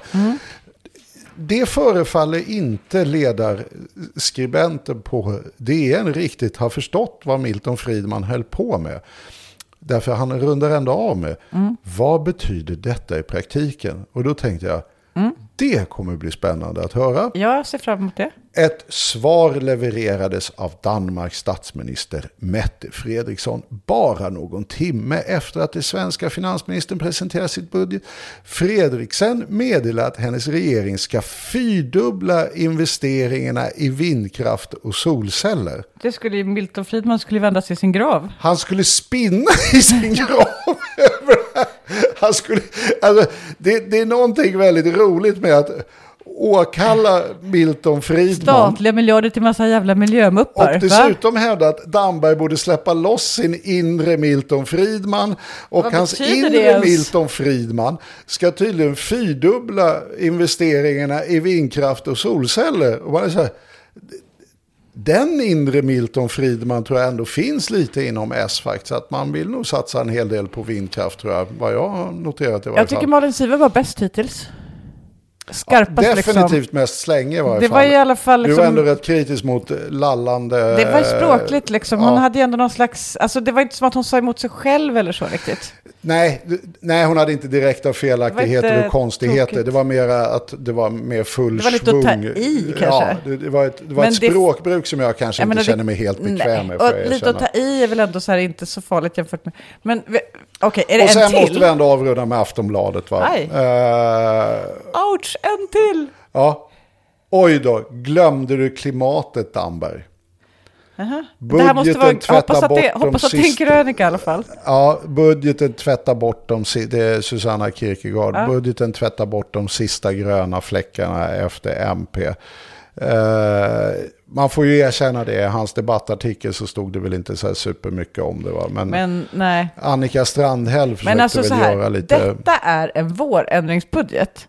Det är liksom, Ja. det är inte tanken att man ska lägga till massor med nya reformer. Att den här garantitillägget är med, det är för att det var som det var i höstas med, vi bytte statsminister och det.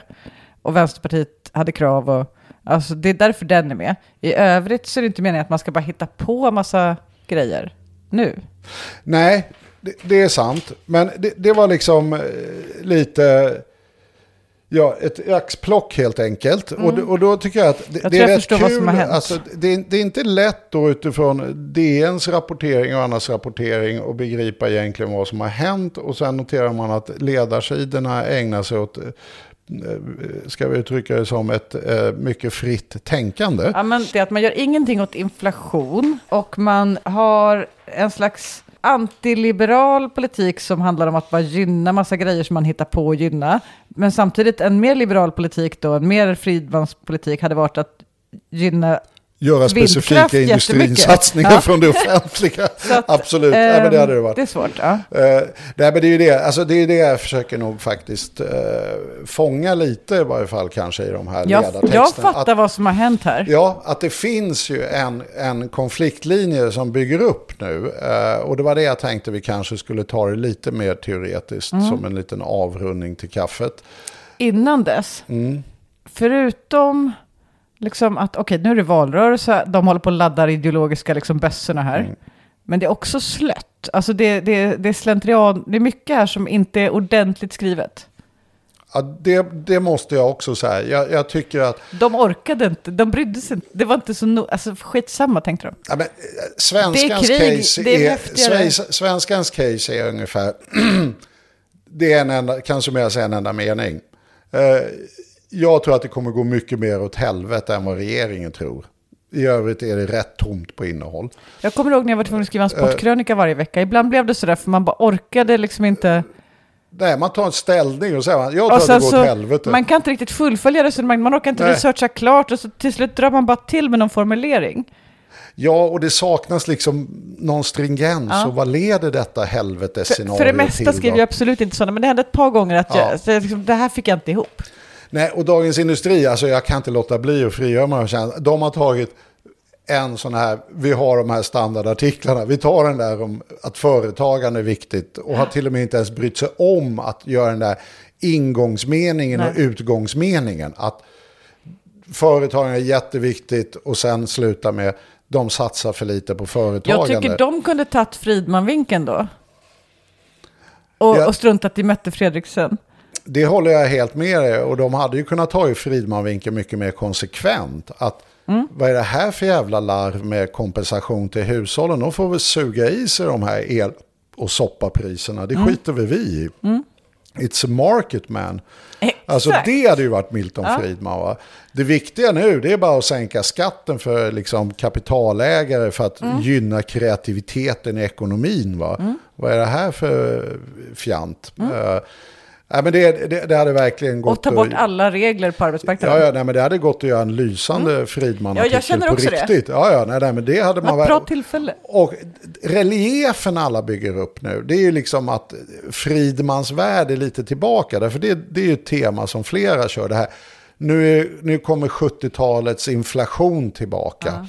Eh, och plötsligt är Fridman då Ja, aktuell men, i Okej, någon så att mening. man relaterar egentligen Fridman här bara till inflationen. Det är så man tänker på Fridman. det är så man tänker tänker på inte på honom Friedman. som en som har ett liksom, koncept för hela liksom, hur människors drivkrafter och ekonomi fungerar, utan det här är Nej. inflationen vi pratar om. Exakt, va? och det, det är därför jag tror att det här dyker upp och sen så saknar de kanske kunskap i meningen att göra något mer vettigt utav det. Men Jag trodde det här med Jesus en av mänsklighetens starkaste berättelser, men det börjar bli tydligt att inflationen är en av mänsklighetens starkaste berättelser. absolut, den är betydligt starkare än Jesus de sista 30 åren. Nu får jag skit utav religiösa förstås. Nej, men alltså, jag, jag vill ta Jesus i försvar här. Alltså, typ, Je, alltså för att det borde vara så att Jesus är en starkare historia än inflationen. Okej, Eh, för det är ändå, den, den, den, är liksom, den har så många människor jobbat med i ett par tusen år. Ja, det, är, det är mycket Eh, investerat Men det här, i den. alltså typ, det bara, man drar till med något på 70-talet och det bara trumfar allt.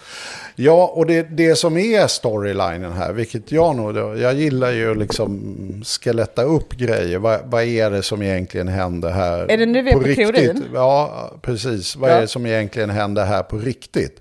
Och då är ju storylinen nu att 70-talet hotar Vänta, vänta. att... Nu blandar du begreppen för mig. Aha. Det som händer på riktigt, då är storylinen.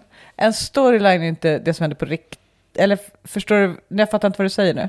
Jo, jo, men alltså Drar det, du ett narrativ det eller som en verklighet? hände, Nej, nu drar jag ett narrativ. Ja. Det som hände på riktigt i vet du, den här narrativet. Alltså, hur samlar vi ihop det här narrativet? Vad är det de försöker säga med sina relativt taffliga försök? fattar, fattar, Vad fattar. är det Mm. de försöker få ihop för historia? Då är ju historien helt enkelt att nu kommer 70-talet tillbaka med den höga inflationen, Eh, den urspårade lönebildningen och regeringen kommer försöka rädda läget med att kompensera hushållen för allt elände de upplever. Eh, det som då kallades för ackommoderingspolitiken. Eh, och det var ju helt fel väg. Och sen kom ju liksom Milton Friedman och sa det där, vi måste sluta ackommodera. Vi ska sätta upp tajta spelregler och låta marknaden sköta allting. Liksom. Eh, och det, det är ju där några går vilse då, i att Milton absolut inte skulle vilja ha en statlig vindpolitik. Men, Men ja, vad är det då för liksom, eh, ja, berättelser som växer fram ur de här lite halvtaffliga försöken? Jo, det är ju just det att vi står inför den här egentligen höger-vänster-striden när man återupplivar och skakar liv i liket Milton Friedman. Men det, ja. Och att nu försöker regeringen, och det är ju relativt nytt. Alltså, och det har ju flera kritiserat. Att nej men nu försöker regeringen liksom vara snälla mot hushållen. Alltså det la vi av med på 80-talet. Eh, och nu kommer de tillbaka och säger att nej men ni kan inte ha de här höga elpriserna och ni kan inte ha de här höga bensinpriserna och så vidare. Va? Och vi måste göra någonting för de som har svagast inkomst och det gäller ju framförallt pensionärer. Och så. Alltså det, det är tillbaka någon form av, ändå vi, vi försöker rätta till någonting här. Va? Mm. Och då vaknar ju liksom eh, högern till och är så här att här ska det inte rättas till någonting, eh, glöm inte 70-talet. Exakt. Och, och det tror jag faktiskt vi är på väg in i en sån diskurs Några enkelt. försöker skapa det i alla fall. Ja, några Men för, kommer... jag tycker inte liksom riktigt att Moderaterna de här hakar på ordentligt på det. Nej, de är eh, inte där än. De kanske inte hamnar där heller, därför att det inte är så tidsandan är. Just nu så är vi, precis som du säger, vi är på väg in i dubbelmackan av kollektivt tänkande. Ja. Och vi har liksom massor att ta ansvar för. Och moderater älskar ju att ta ansvar. Eller typ, det är deras självbild i alla fall. Få ordning på saker. De liksom te- låter inte bara saker så här, ja ja. Eh, Nej, men det håller jag med om. Alltså, kon, alltså nu när de vill bli liksom de vill mer, konservativa. ja, mer Och så ska de vara national, ihop- ja. så ingår ju någon form av ändå paternalistiskt tänkande i det. Då är det liksom bara um, ordförande Persson då som liksom är den enda som kan driva den här linjen och, och han är för svag. Så att, Ja, nej men alltså jag, jag tror ju ändå Annie att Lööf man, kanske? Man, man ser att åtminstone man trummar upp en sån här diskussion. Jag är inte så säker på att inte Moderaterna kommer att hoppa in. Men det roliga med det, med tanke på vad vi har pratat om de tidigare poddarna, eh, det här med inflationen och bensinen och penningpolitiken och allt det här. Va? Så berättade vi ju i de poddarna om det här paradigmet, eller berättelsen som finns om det här. Va? Och överhettning, nu kommer inflationen, nu är det överhettat. Och vi blev ju verkligen sannspådda. Va? Därför det här, även bankekonomerna är ju ute. vi vet alla vem, vem det är som brukar vara bankekonomerna. Ja, det vet vi definitivt. Vi har ju ett litet gäng. Men det roliga är att de företräder alltid på något konstigt sätt. Här kommer finansiella sektorn. De är experter. Ja, och, och liksom företräder någon form av allmänintresse som forskning närmast. Ja, det är lite så. Hur, så- hur kommer det här påverka räntan, frågar man då en bankekonom. Och då kommer den att svara utifrån all den objektiva samlade kunskapen i världen. Ja, ungefär så. Va? Och inte bara det, hur påverkar ekonomin och så vidare. Va? Och, och då är det så här. Eh, Finansminister Mikael Damberg var tydlig när han presenterade vårbudget med att vi har väldigt hög inflation och att hushållen därför behöver kompenseras. Det känner jag mig tveksam till, säger hon. Annika Wilst. Japp, och det är då Annika Winst som är då chefsekonom på eh, Nordea va? Nordea. Är det. Men Eh, du, vad är hon tveksam till? Hon är väldigt tveksam till det här och nu kommer det. Se, nu får du se om du hängde med på de två tidigare poddarna angående narrativet. Enligt Annika Winst är svensk ekonomi stekhet, citat. Med en arbetslöshet på rekordlåga nivåer. Samtidigt gick både börsen och bostadspriserna upp förra året. Annika Winst hör då till de som liksom predikar evangeliet att vi har bara höga löner att skylla inflation för. Hushållen har haft en fantastisk resa, citat. Men så fort det blir lite besvärligt så vill man vara där och stötta dem. För mig är det märklig politik när vi redan har en, Vadå? en överhettning. Men det kan man ju tänka sig då, det vore lite kanske roligt för Nordea om de kunde höja räntorna då. Ja, ja. Var ni helt inne på... Jo, jo, nej men det, det är ju alltid så. Va? Alltså, bankerna är ju i 99 fall av 100 räntehökar av helt egna skäl. Ja, det kan antingen vara så här att hon tänker så här, det vore verkligen skönt om vi kunde få, få fart på ränte och inflationsläget. Eh, så att det händer lite här vad vi kan öka våra vinster och det. Eh, så jag säger så här. Eller så kan det vara så att hon verkligen säger typ, nej men det kan faktiskt bara vara löneökningar som driver på inflationen och därför måste vi kyla ner ekonomin. Ja, men alltså det, det är ju svårt. Du är alltid inne på det här. Vad, vad tänker folk innerst inne och så vidare. Vad hade de gjort om inne? de... Vad hade de gjort om, Inne? Nej, men jag förhåller mig bara till texten. Och i texten så gör hon en förhåller väldigt tydlig berättelse om att det hon säger är att svensk ekonomi är stekhet, Mm. överhettad, rekordlåg arbetslöshet. Det vill säga alla de saker som leder till, enligt berättelsen, till massainflation. Mm. Hon håller sig till grundstoryn. Eh. Exakt. Jag frågar mig bara varför. För den är ju fel. Hon, vet hon inte det? Eller just när det gäller inflation. Eh, Jag förstår, alltså de här som håller på med Fridman här. Ja. Där förstår jag hur det, kan, hur det gick snett. Alltså de menar inget illa här. Nej, de menar Ehm, inget illa. De vill väl. Men här har jag svårt att förstå, för efter att vi har haft alla de här avsnitten om inflation, så känner jag så att det är omöjligt att tänka som, som de gör när de säger sådär. Det är omöjligt Mm. att tänka så. Alltså det måste de ju fatta. Men Det här är ju det programmatiska tänkandet. de där är ju jag- mycket mer utbildade i ekonomi än vad jag är. F- Ja. För att, eller ja, det är ju alla är mer utbildade i ekonomi än vad jag är. Men alltså, så jag kan inte riktigt, jag kan inte få grepp om det. Det är därför jag ältar det här. Ja, Jag har inget problem. Alltså folk säger vad kulturen säger att man ska säga. Och det där är väldigt comilfå att säga inom kulturen. Eh, man Just det. signalerar... Det blir jättekonstigt på, på liksom bolagsstämmemiddagen om man skulle säga något annat. Ja, definitivt. Alltså det där, det där sitter ju alla bara och nickar Ja. åt och säger ja, precis, det tycker jag med. Ja, men liksom. så vet, det, ja, det det är en social funktion. Va? Så, det där vet man ju hur det går till. Ja. Ja, det, det är så jag ser det. Alla säger AIK, då måste man säga AIK. Ja, och det där är, alla säger AIK helt enkelt. Eh, så för mig är det inte alls chockande alls. Eh, det, det roliga är ju att vet, du, man, man kan ju undra då om vet, du, det här då så att säga har någon realitet i till exempel då andra institutioner som Riksbanken då till exempel. Att Riksbanken förväntar sig nu då ska eh, nicka instämmande här. Att ja, men vi har ju alldeles för låg arbetslöshet och det driver ju upp lönerna och ekonomin är stekhet och överhettad. Så känner vi ju allihopa. Så känner vi allihopa. Eh, det visar sig, och det har lett då till den här inflationschocken liksom. Eh, Martin Flodén som är vice riksbankschef höll ett anförande på eh, DS Risk and Return på Grand Hotel. Oj, jag vill ha en inbjudan till den nästa gång. Det låter jättekul. är eh, flott som fan. Risk and va? return. Ja. Och då konstaterar han rätt eh, sakligt att eh, det är ju helt enkelt så att det här beror på vet du, de höga energipriserna som är kopplade till vet du, kriget i Ukraina. Det är vad du säger. Ja, jag vet. Han, han gör, det är det som är så roligt. Han gör faktiskt exakt samma analys. Och de här störningarna som är det han då kallar för de globala värdekedjorna som har lett till höga frakt och varupriser eh, samt utländska konsumentpriser. Det vill säga, vi har inte ett skit med det här att göra. Det måste ju varit en impopulär åsikt på Risk and Return.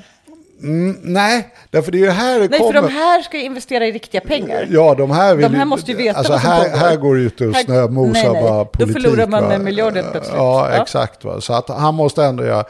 Men det viktiga han har ändå att säga, så att han, han börjar med det här, det här är min analys, Mm. eller Riksbankens analys. Vi har inte ett skit med det här att göra. Och Mm. det han ju- konstaterar mycket korrekt också, vilket jag gjorde i förra Mm. podden, att vet, du, nej, det här är en åtstramning på ekonomin. Så allting annat lika Mm. Exakt. leder det här till högre arbetslöshet. Och den här, vad hon har fått att vi har den rekordlåg arbetslöshet är ju helt rubbat. Va? Vi ligger ju på 7,7 procent nu. Va? Eh, och den är inte rekordlåg på något som helst sätt. Va? Men ändå, eh, kul idé ändå. Men eh, hade det varit kul om den var det inte minst. Eh, Är Men det Europas lägsta genom tiderna? verkligen inte.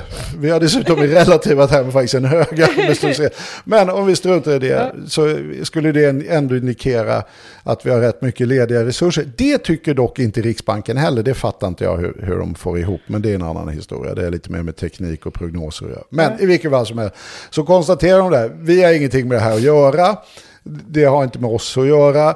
Eh, Det kommer leda till en åtstramning, alltså, vilket är fullständigt självklart. Jag menar, ska du pröjsa mer elräkning som går till några andra och mer soppapriser som går till utlandet så är det så här, det blir mindre inhemsk konsumtion i Sverige. Jag kör samma sträcka med bilen, det kostar eh, 500 kronor mer, då handlar jag för 500 kronor mindre. Japp, och det leder till, du vet, här, råttan på repet och du vet Mm. hela den där grejen. Va? Att liksom, ja men det blir en anställd mindre i restaurangbranschen, en som kör mindre och så vidare. Och då drabbar ju det liksom i form av ökad arbetslöshet. Så det, det där har de ju nitat rätt bra. Mm. Då kan man ju undra om, om nu lönebildningen dessutom, vilket de också konstaterar, är ju superstabil. Vi har alltså en lönebildning nu som i Annika Winst värld utav överhettning och stekhet genererar för låga löneökningar för att vara förenligt med inflationsmålet. Alltså i verkligheten har vi det? I verkligheten ja, inte har vi enligt det. Annika Winst. Nej, inte, men, Annika Winst ja. säger faktiskt ingenting om Nej. löner, men underförstått Implicit. förstår man ju att lönerna i denna extremt överhettade ekonomi måste ha spårat ur. Och vilket är hela poängen, man vill ju kontrollera lönerna. Va? Nej men alltså det, det, man har inte liksom hört nå det är inte som att avtalsrörelserna är superheta just nu. Nej, nej, men alltså det, det är liksom, vi ligger, nu ligger ju löneökningarna i Sverige på ungefär 2,6 procent. Mm. Och det räcker inte för att generera 2 procents inflation helt enkelt. Och det har ju till och med Riksbanken varit ute och gnällt om själva. Mm. Va? Och nu kommer den här liksom, eh, vad ska man säga, naturliga åtstramningen via internationella priser. Mm. men och, då och blir då kommer vi glad. se ökad arbetslöshet, liksom lite, mer, lite mer det där svenska Dagbladet ändå. Men sen inte fullt ut så kanske så illa. Men allt annat lika om inte regeringen motagerar. Så vi kan konstatera helt enkelt att den arbetslöshet vi har nu är superstabil i förhållande till att den klarar av att hålla 7,7 och sannolikt betydligt lägre.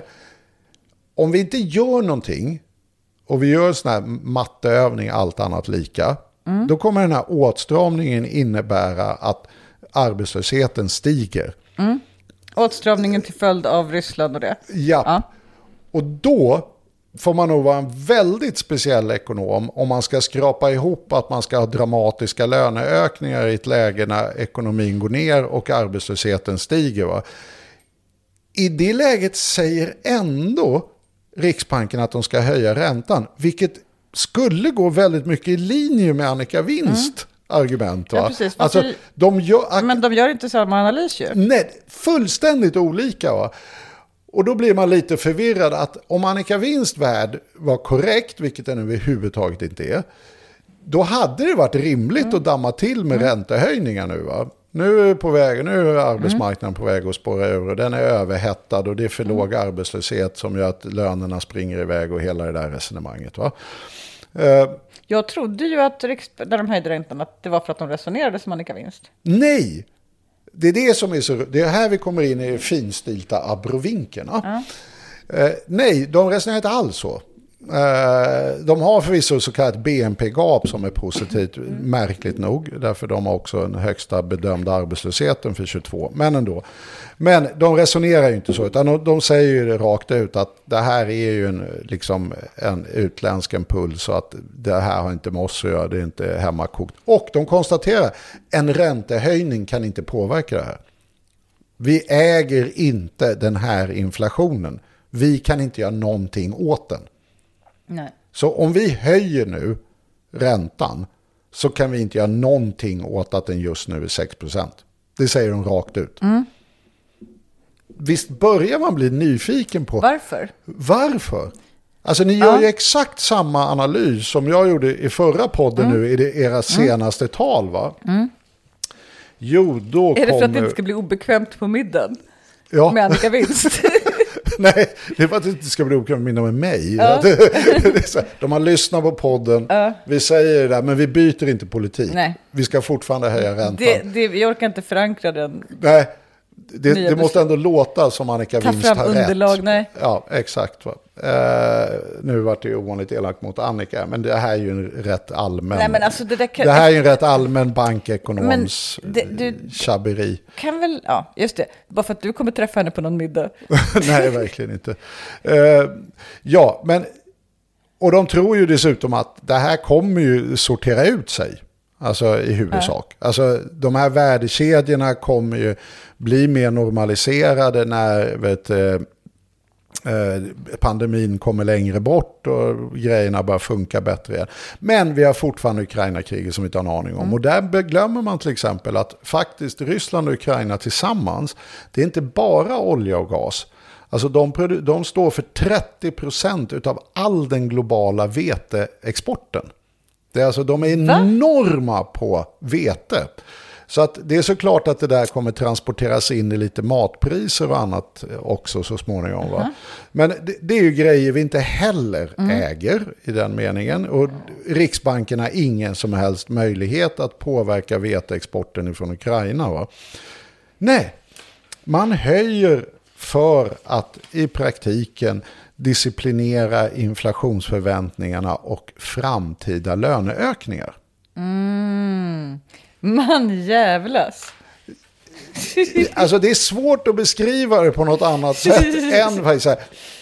Vi får den automatiska åtstramningen som kommer via utlandet. Arbetslösheten stiger lite, men vi tror fortfarande att fack och löntagare är så cocky att de kan försöka kompensera sig för den vet du, förlusten det här har inneburit i plånboken. Att Det de tänker drama, dramatiskt höja sina lönekrav.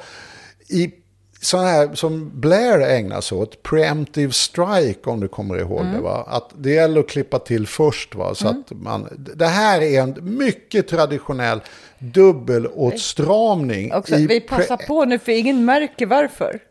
Precis, att det är så här. Det här är verkligen en preemptive strike för att disciplinera upp lönebildningen, att den inte ska inbilla sig att den kan ställa till någonting. Vilka tuffingar då? Kostnaderna för det här Mm. kommer ju att bli en mycket högre arbetslöshet än vi annars behöver ha. Ja, för jag betalar då mer i ränta och köper mindre pizza och blir, restaurangen går i konkurs etc. Det är ju därför jag till exempel inte alls är så fientligt inställd. Därför jag är ju mycket mer också lite åt morotshållet i det här avseendet. Att jag tror ju nämligen att det är viktigt att vi behåller en viss ordning på eh, lönebildningen och så vidare. Va? Som Eh. Milton Friedman skulle sagt. Ja, det vet du fan om Milton Friedman just Nej, hade jag sagt det. skojar bara, Eh, apropå vindkraftverken och det. Ja, men, Vi kan bara ja, tillskriva exakt. allting Vi- till vi- honom. Vi, gör det. Han Ja, skulle, det här skulle han gillat. Nej, men jag gillar ju starka fackföreningar som kan ta samhällsansvar, precis som Milton Friedman Exakt. gjorde. Va? Så att, vet, eh, och det här gör ju det att vi riskerar ju att hamna i en situation där Riksbanken höjer räntan, gör den här dubbelåtstramningen och vem får plocka upp räkningen? Jo, staten via ökad arbetslöshet som ökar utgifterna och minskade intäkter så saldot blir kraftigt mycket sämre. Då tycker jag att det är en mycket smartare idé att faktiskt försöka kompensera hushållen något för de här smällarna. Fast det kan ju inte Riksbanken göra. Nej, men det kan regeringen Ja, göra. Riksbanken kan ju låta bli att göra en preemptive Men strike jag, tänkte, ja, men jag tänker i den här kompensation tillbaka till 70-talet. Att jag tycker nog inte det låter som en så himla Damberg dum. kunde göra det då. Försök att hålla hushållen så lite förbannade som möjligt. Men nu. är det inte lite det han tänker tror du? Alltså jag menar det är ändå så här, det är ju en, lite priskompensationer och så.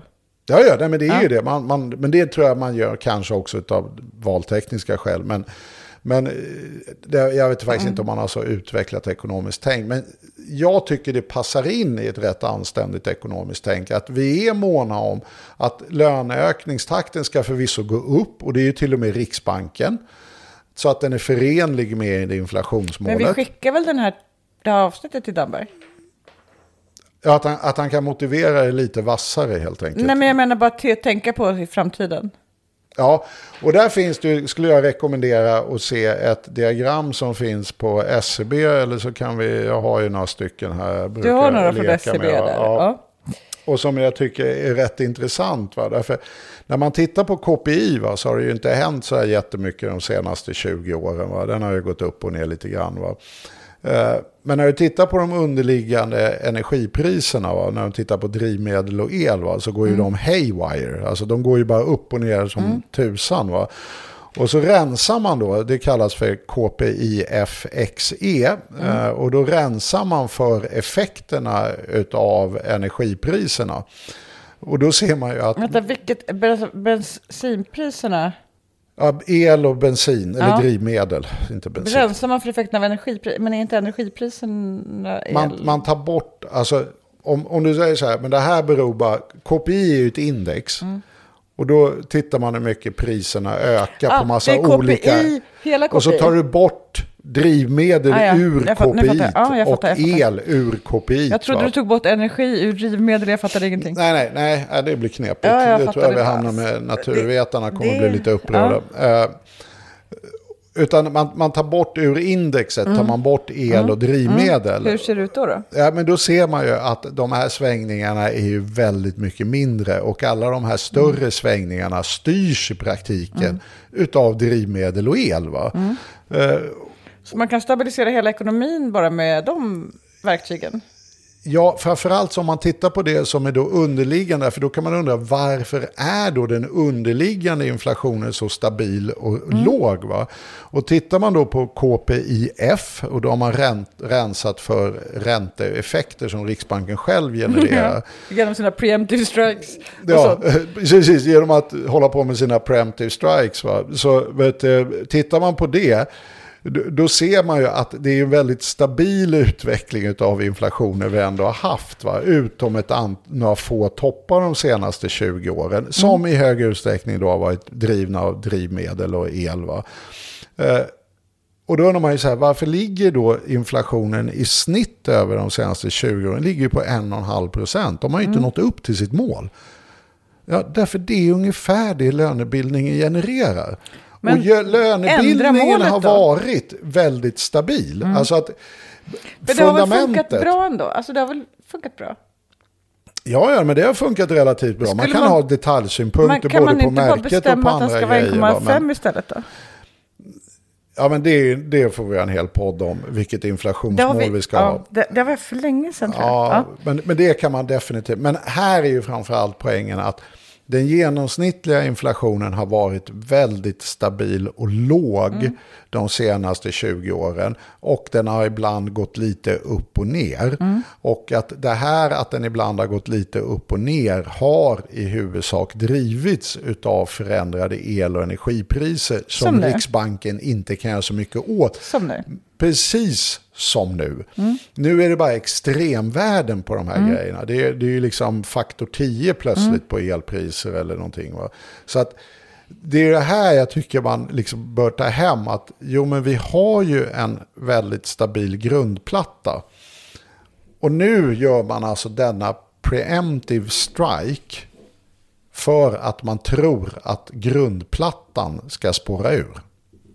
Och det måste jag säga är ett väldigt vågat antagande att sätta massa pengar eh, i sjön från det offentliga och utsätta människor för lidandet av Nu är jag arbetslöshet. lite intresserad av Riksbanken helt plötsligt. Vad sa du? Nu är jag lite intresserad av Riksbanken. Alltså vilka är det som styr? Äh, Smart tänker man så här, att koppla loss det helt från politiken, så det här kan vi inte göra någonting åt.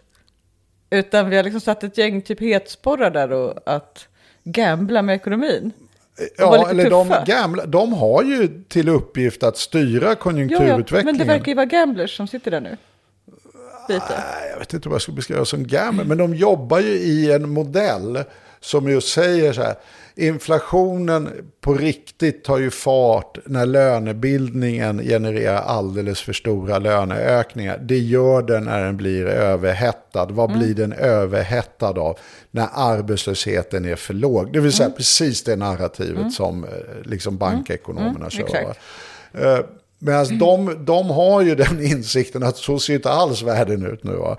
Utan den här inflationen på 6% som är skyhög har vi inga instrument alls Nej, att hantera. Nej men jag, jag är med på det. Men jag menar bara att de gör ju en prognos som, som, liksom, som de agerar efter nu. Jag inte säga det. De har en väldigt vidlyftig teori som de agerar efter nu. Och den teorin säger att om vi låter inflationsförväntningarna stiga så att folk tror att det ska bli 4%, då kommer vet, du, lönebildningen spåra ur. Därför Ja, men då menar, hur kommer, kan du ja, inte tycka att det är en gamble? om, om du vill kalla det för gambling. Men, ja, men, det, men det skulle jag säga är min framförallt kritik mot det här. Det är att absolut, om det här bara hända så eh, låt oss ta ett snack om vad vi behöver göra. Men att efter 20 år av otroligt stabil lönebildning som inte har påverkats mer eller mindre av någonting. eh, Komma och gamla på att den ska spåra ur. Det tycker jag är lite Bold magstarkt. move liksom. Vad sa du? Bold move, eller vad säger man? Ja, bold move. Men, men lite så helt enkelt. Det, det summerar väl lite det. Men det, det leder ju liksom, även med Riksbankens sätt att resonera, så leder ju det här till en åtstramning i sig, de här förändrade priserna från utlandet på energi och så vidare. Och sen vet det också. och Sådär, va? Vad Eh, gör, vad gör andra riksbanker då? Nej, men alltså de, det är ju många, alltså de andra har ju andra problem också. Man tittar man på amerikanska riksbanken så har ju, vilket jag har lite svårt, alltså de har inte alls samma organisering av lönebildningen som vi har. Den är ju mycket mer fragmentiserad och har ju jättesvaga fackföreningar och det är mer individuellt baserat helt enkelt. Ehm, de, där har man ju sett efter pandemin en, en kraftig ökning av löneökningstakten. Vilket jag faktiskt försökt reda ut. Var kommer den ifrån och så vidare. Vilket inte har varit så himla enkelt. Eh, därför de har, ju for, de har ju förvisso fått ner arbetslösheten. Men det här som de har är att alla gittar ju från arbetsmarknaden. Så de registreras ju inte arbetslösa. Och då har de ju det som egentligen är latent arbetssökande men inte arbetslös. Det vill säga, får jag ett jobb så tar jag ett. Va? Men jag står inte med i statistiken. Den är ju fortfarande rätt hög och skulle inte motivera det här trycket. Så även där skulle jag säga att teorin har problem. Att nej, arbetsmarknaden är inte så tajt att löneökningstakten borde dra iväg. Va? Så att det, det är någonting som pågår där som är lite fishy faktiskt. Eh, be- man behöver nog förstå mer vad som händer där. Du kanske kan be den där journalisten som skrev den här artikeln om pensionidén att förklara. Att reda ut det Reda ut det det. håller jag med om. Det, Eller allihopa de här, alltså typ varsin take. Vad skulle Milton Friedman ha sagt? ja. Alltså, det kan bli jätteintressant.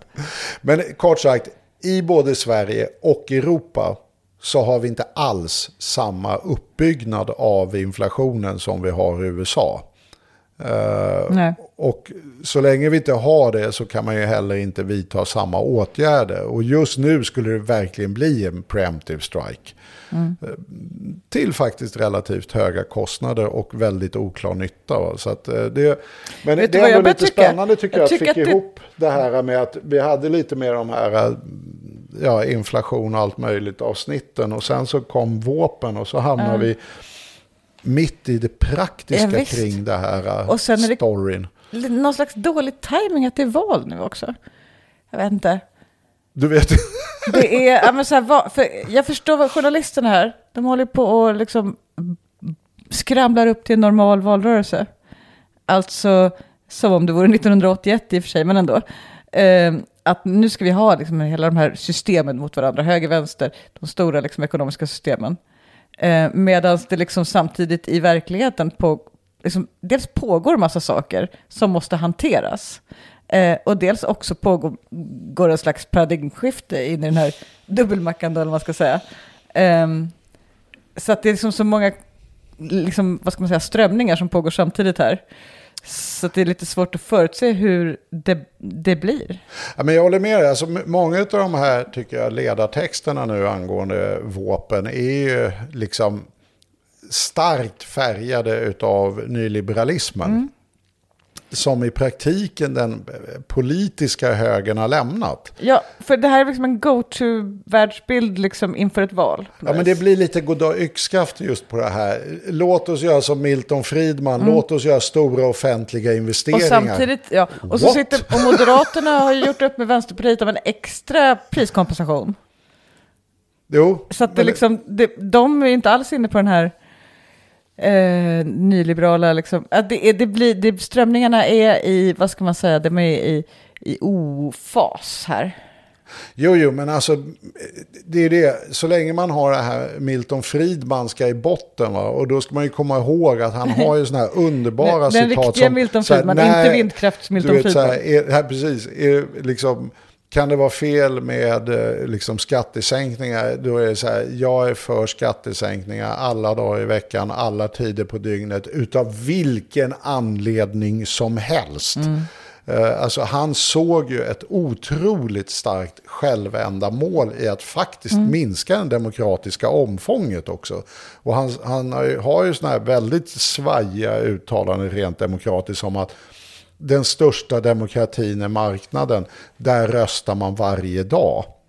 Alltså det är en extrem egentligen. Hans son blev väl sen någon form av Han hade inte haft något anarko- problem med att säga, nej vi ska inte skicka en miljard till Ukraina. Nej, inte en sekund. Va? Eh, utan han är ju liksom väldigt slim där. Va? Eh, och det är ju, det, Dagens Industri har ju till exempel, de, driver ju egentligen inte den här minimalistiska staten och skattesänkningar till varje pris nu. Utan de har ju till och med varit så här, nej men vi borde göra upp med saldomålet och öka de offentliga investeringarna och så vidare. Va? Och de har ju också varit ledande i det här med att okej, vi måste ha en hög majoritet på lång sikt framöver så vi måste komma överens med SD på något vis. Ja. Så det är ytterligare en dimension i det här. Ja, men det, det är en väldig skillnad helt enkelt på att vara konservativ och att vara nyliberal. Verkligen. Och här blir Verkligen. det förvirrat på högersidan. Att det finns så himla mycket sådär nyliberalt gods kvar. Vänstersidan är väldigt mycket enklare på så vis. Ja, och så försöker de sen skruva in Milton Friedman i att han vill ha jättestora vet, eh, offentliga underskott och stora claima, offentliga investeringar. claima Milton Friedman. Kan det Ja. vara ett projekt? Det, det kan vara ett projekt. Rebranda Milton. Eh, Men alltså, Milton skulle accepterat utan problem jättestora underskott. Men bara om det gick till stora skattesänkningar till de mest välbeställda. Det ska, han, han var ju ingen sån här som vi har skapat kultur kring. Det här med närmast den här sparfetischismen och liksom budget i balans. Ordning på och- statsfinanserna. Nej, han, var- han var ju inte en sån här statsfinansfanatiker liksom. Utan som sagt var, han, brydde sig inte om hur man gjorde skattesänkningar och minskade Bara staten. de gjordes. Bara, bara de gjordes. När som helst. Ja. Men om vi ska Ja. avrunda här. Så vi började då i, det kom en budget. Mm. Eh, sen var vi inne på lite reaktioner på den budgeten som, som då inte riktigt har med budgeten att göra. Eh, och sen så gick vi in då på den här, eh, vad ska man säga, dominerande paradigmen kring inflationen är si och så och därför krävs det här. För, och sen kom vi in på då hur funkar det egentligen? Alltså skulle jag försöka sammanfatta jag säga att utifrån eh, våpen och de förslag som fanns där så handlade det om hur nu de politiska krafterna höger och vänster formerar sig kring de här förslagen. Vad, vad kommer Precis. bli? Och det är egentligen att man försöker skaka liv i den gamla ackommoderingsstriden och Milton Friedman. Liksom det här. Nej, staten ska inte hjälpa hushållen. Eh, De ska ge fan i det. Eh, Exakt. Ja, Ja. ungefär så. En lite sidoboll här då. Varför är jag så jag är liksom märkligt förtjust i att Damberg är finansminister? Jag vet inte, tycker Ja. det, är gött Jag liksom. vet inte riktigt om jag... Men det är väl trevligt? Ja, det han är liksom trevlig. Ja, men Damberg är Han är trevlig. jättetrevlig. Och sen så... Ja. Du försöker komma ut själv. med att du har en liten crush på Damberg, eller? Nej, jag tycker bara han är... Jag, alltså jag gillar honom som, som politiker typ. Alltså han är, håller inte på... Det är ingen bombastisk retorik. Nej. Ehm, det är ingen liksom... Ingen vindflöjlighet alls. Men en, en konsekvent liksom, placering på någon ideologisk skala som man inte gör så mycket av och så har man på med det och så är man trevlig och så blir man finansminister. Jag vet inte, det är det gör mig glad. Han att- har inte liksom klivit över något lik tror jag. Han har ju ändå varit med i svängen ett tag. Jo, så jo, jo. Några strider menar, han ju alltså, varit inblandad typ, i. Men, Vilken sosse som helst du träffar kan ju berätta allt från 90-talets SSU-strider och så kommer alla ha tusen historier. Ja, Men jag exakt. menar bara, jag vet inte, det är en laid back stil. Jag gillar den. nej, men han är ju, han är ju liksom, tycker jag, jag känner honom ju sedan tidigare. Vi jobbade ju i regeringskansliet ihop på Mm. Med, glada alltså, vi var ju 90-talet. ordförande i respektive ungdomsförbund samtidigt, han och jag. Jaha, nej men han är liksom, han är en rätt trevlig person helt enkelt. Eh, Sådär Yes, lugn och sansad med, och försöker liksom lösa problem Ja. och sådär åt det hållet. Ja, jag liksom. gillar det. Och sen ligger han ju då på högerflöjen i liksom det Men så himla konsekvent partiet. och så himla lågmält. Alltså typ, Ja, eh, han är jättetydlig så. med att ligga på högerflöjlen. Han kommer Ja. aldrig svika den. Men liksom typ varför det å andra sidan? För att det är åt andra hållet man brukar sälja ut sig. Nej, nej, men det är ju väldigt skillnad på honom som politikertyp och till exempel Morgan Johansson. Liksom. Mm. ja, exakt. Som, Det- som opportunister liksom. Ja, och kan också vara relativt bombastisk Mm. och hundvissla på alla möjliga lustiga Jag sätt. föredrar Damberg-typen som, som minister i alla fall. Sådär, Du, du, du har liksom lagt ut alla de här artiklarna på golvet. ja. Och så, så, så jag tittar på åtta olika bilder på Damberg. Och så har jag suttit och blivit liksom lite glad över så här, typ, fan det är kanske en bra finansminister.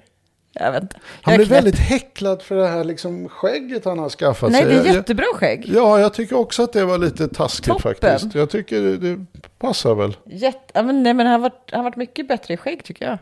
Han ser liksom mer eh, vuxen ut. Ja, Ja. ja nej men okej, det var en Ja. crush på Damberg. Det är Nej, helt jag är inte en crush på Damberg. Eh, men det lät otrovärdigt när jag sa det sådär. Alltså det hade varit bättre att bara skratta då. Ja, Alltså för att nu Ja. är jag insåg sen när man säger så här, nej det är jag inte. Det låter ju som att man har det. Vi, vi kan väl åtminstone ha ett rykte om att jag har en crush på Damberg. Det, det är ett bra rykte känner jag. ja, det tycker jag också. Kul om folk tror det. Ja, Och folk kanske försöker fixa ihop oss. ja. Eh, och kolla vem som är här. ja, men jag ser fram emot Almedalen helt enkelt. Ja, det- det kommer bli toppen.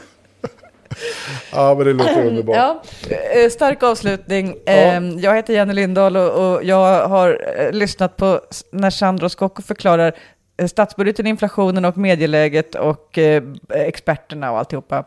Så hoppas vi att han gör det igen om ett par veckor då. Tack och hej.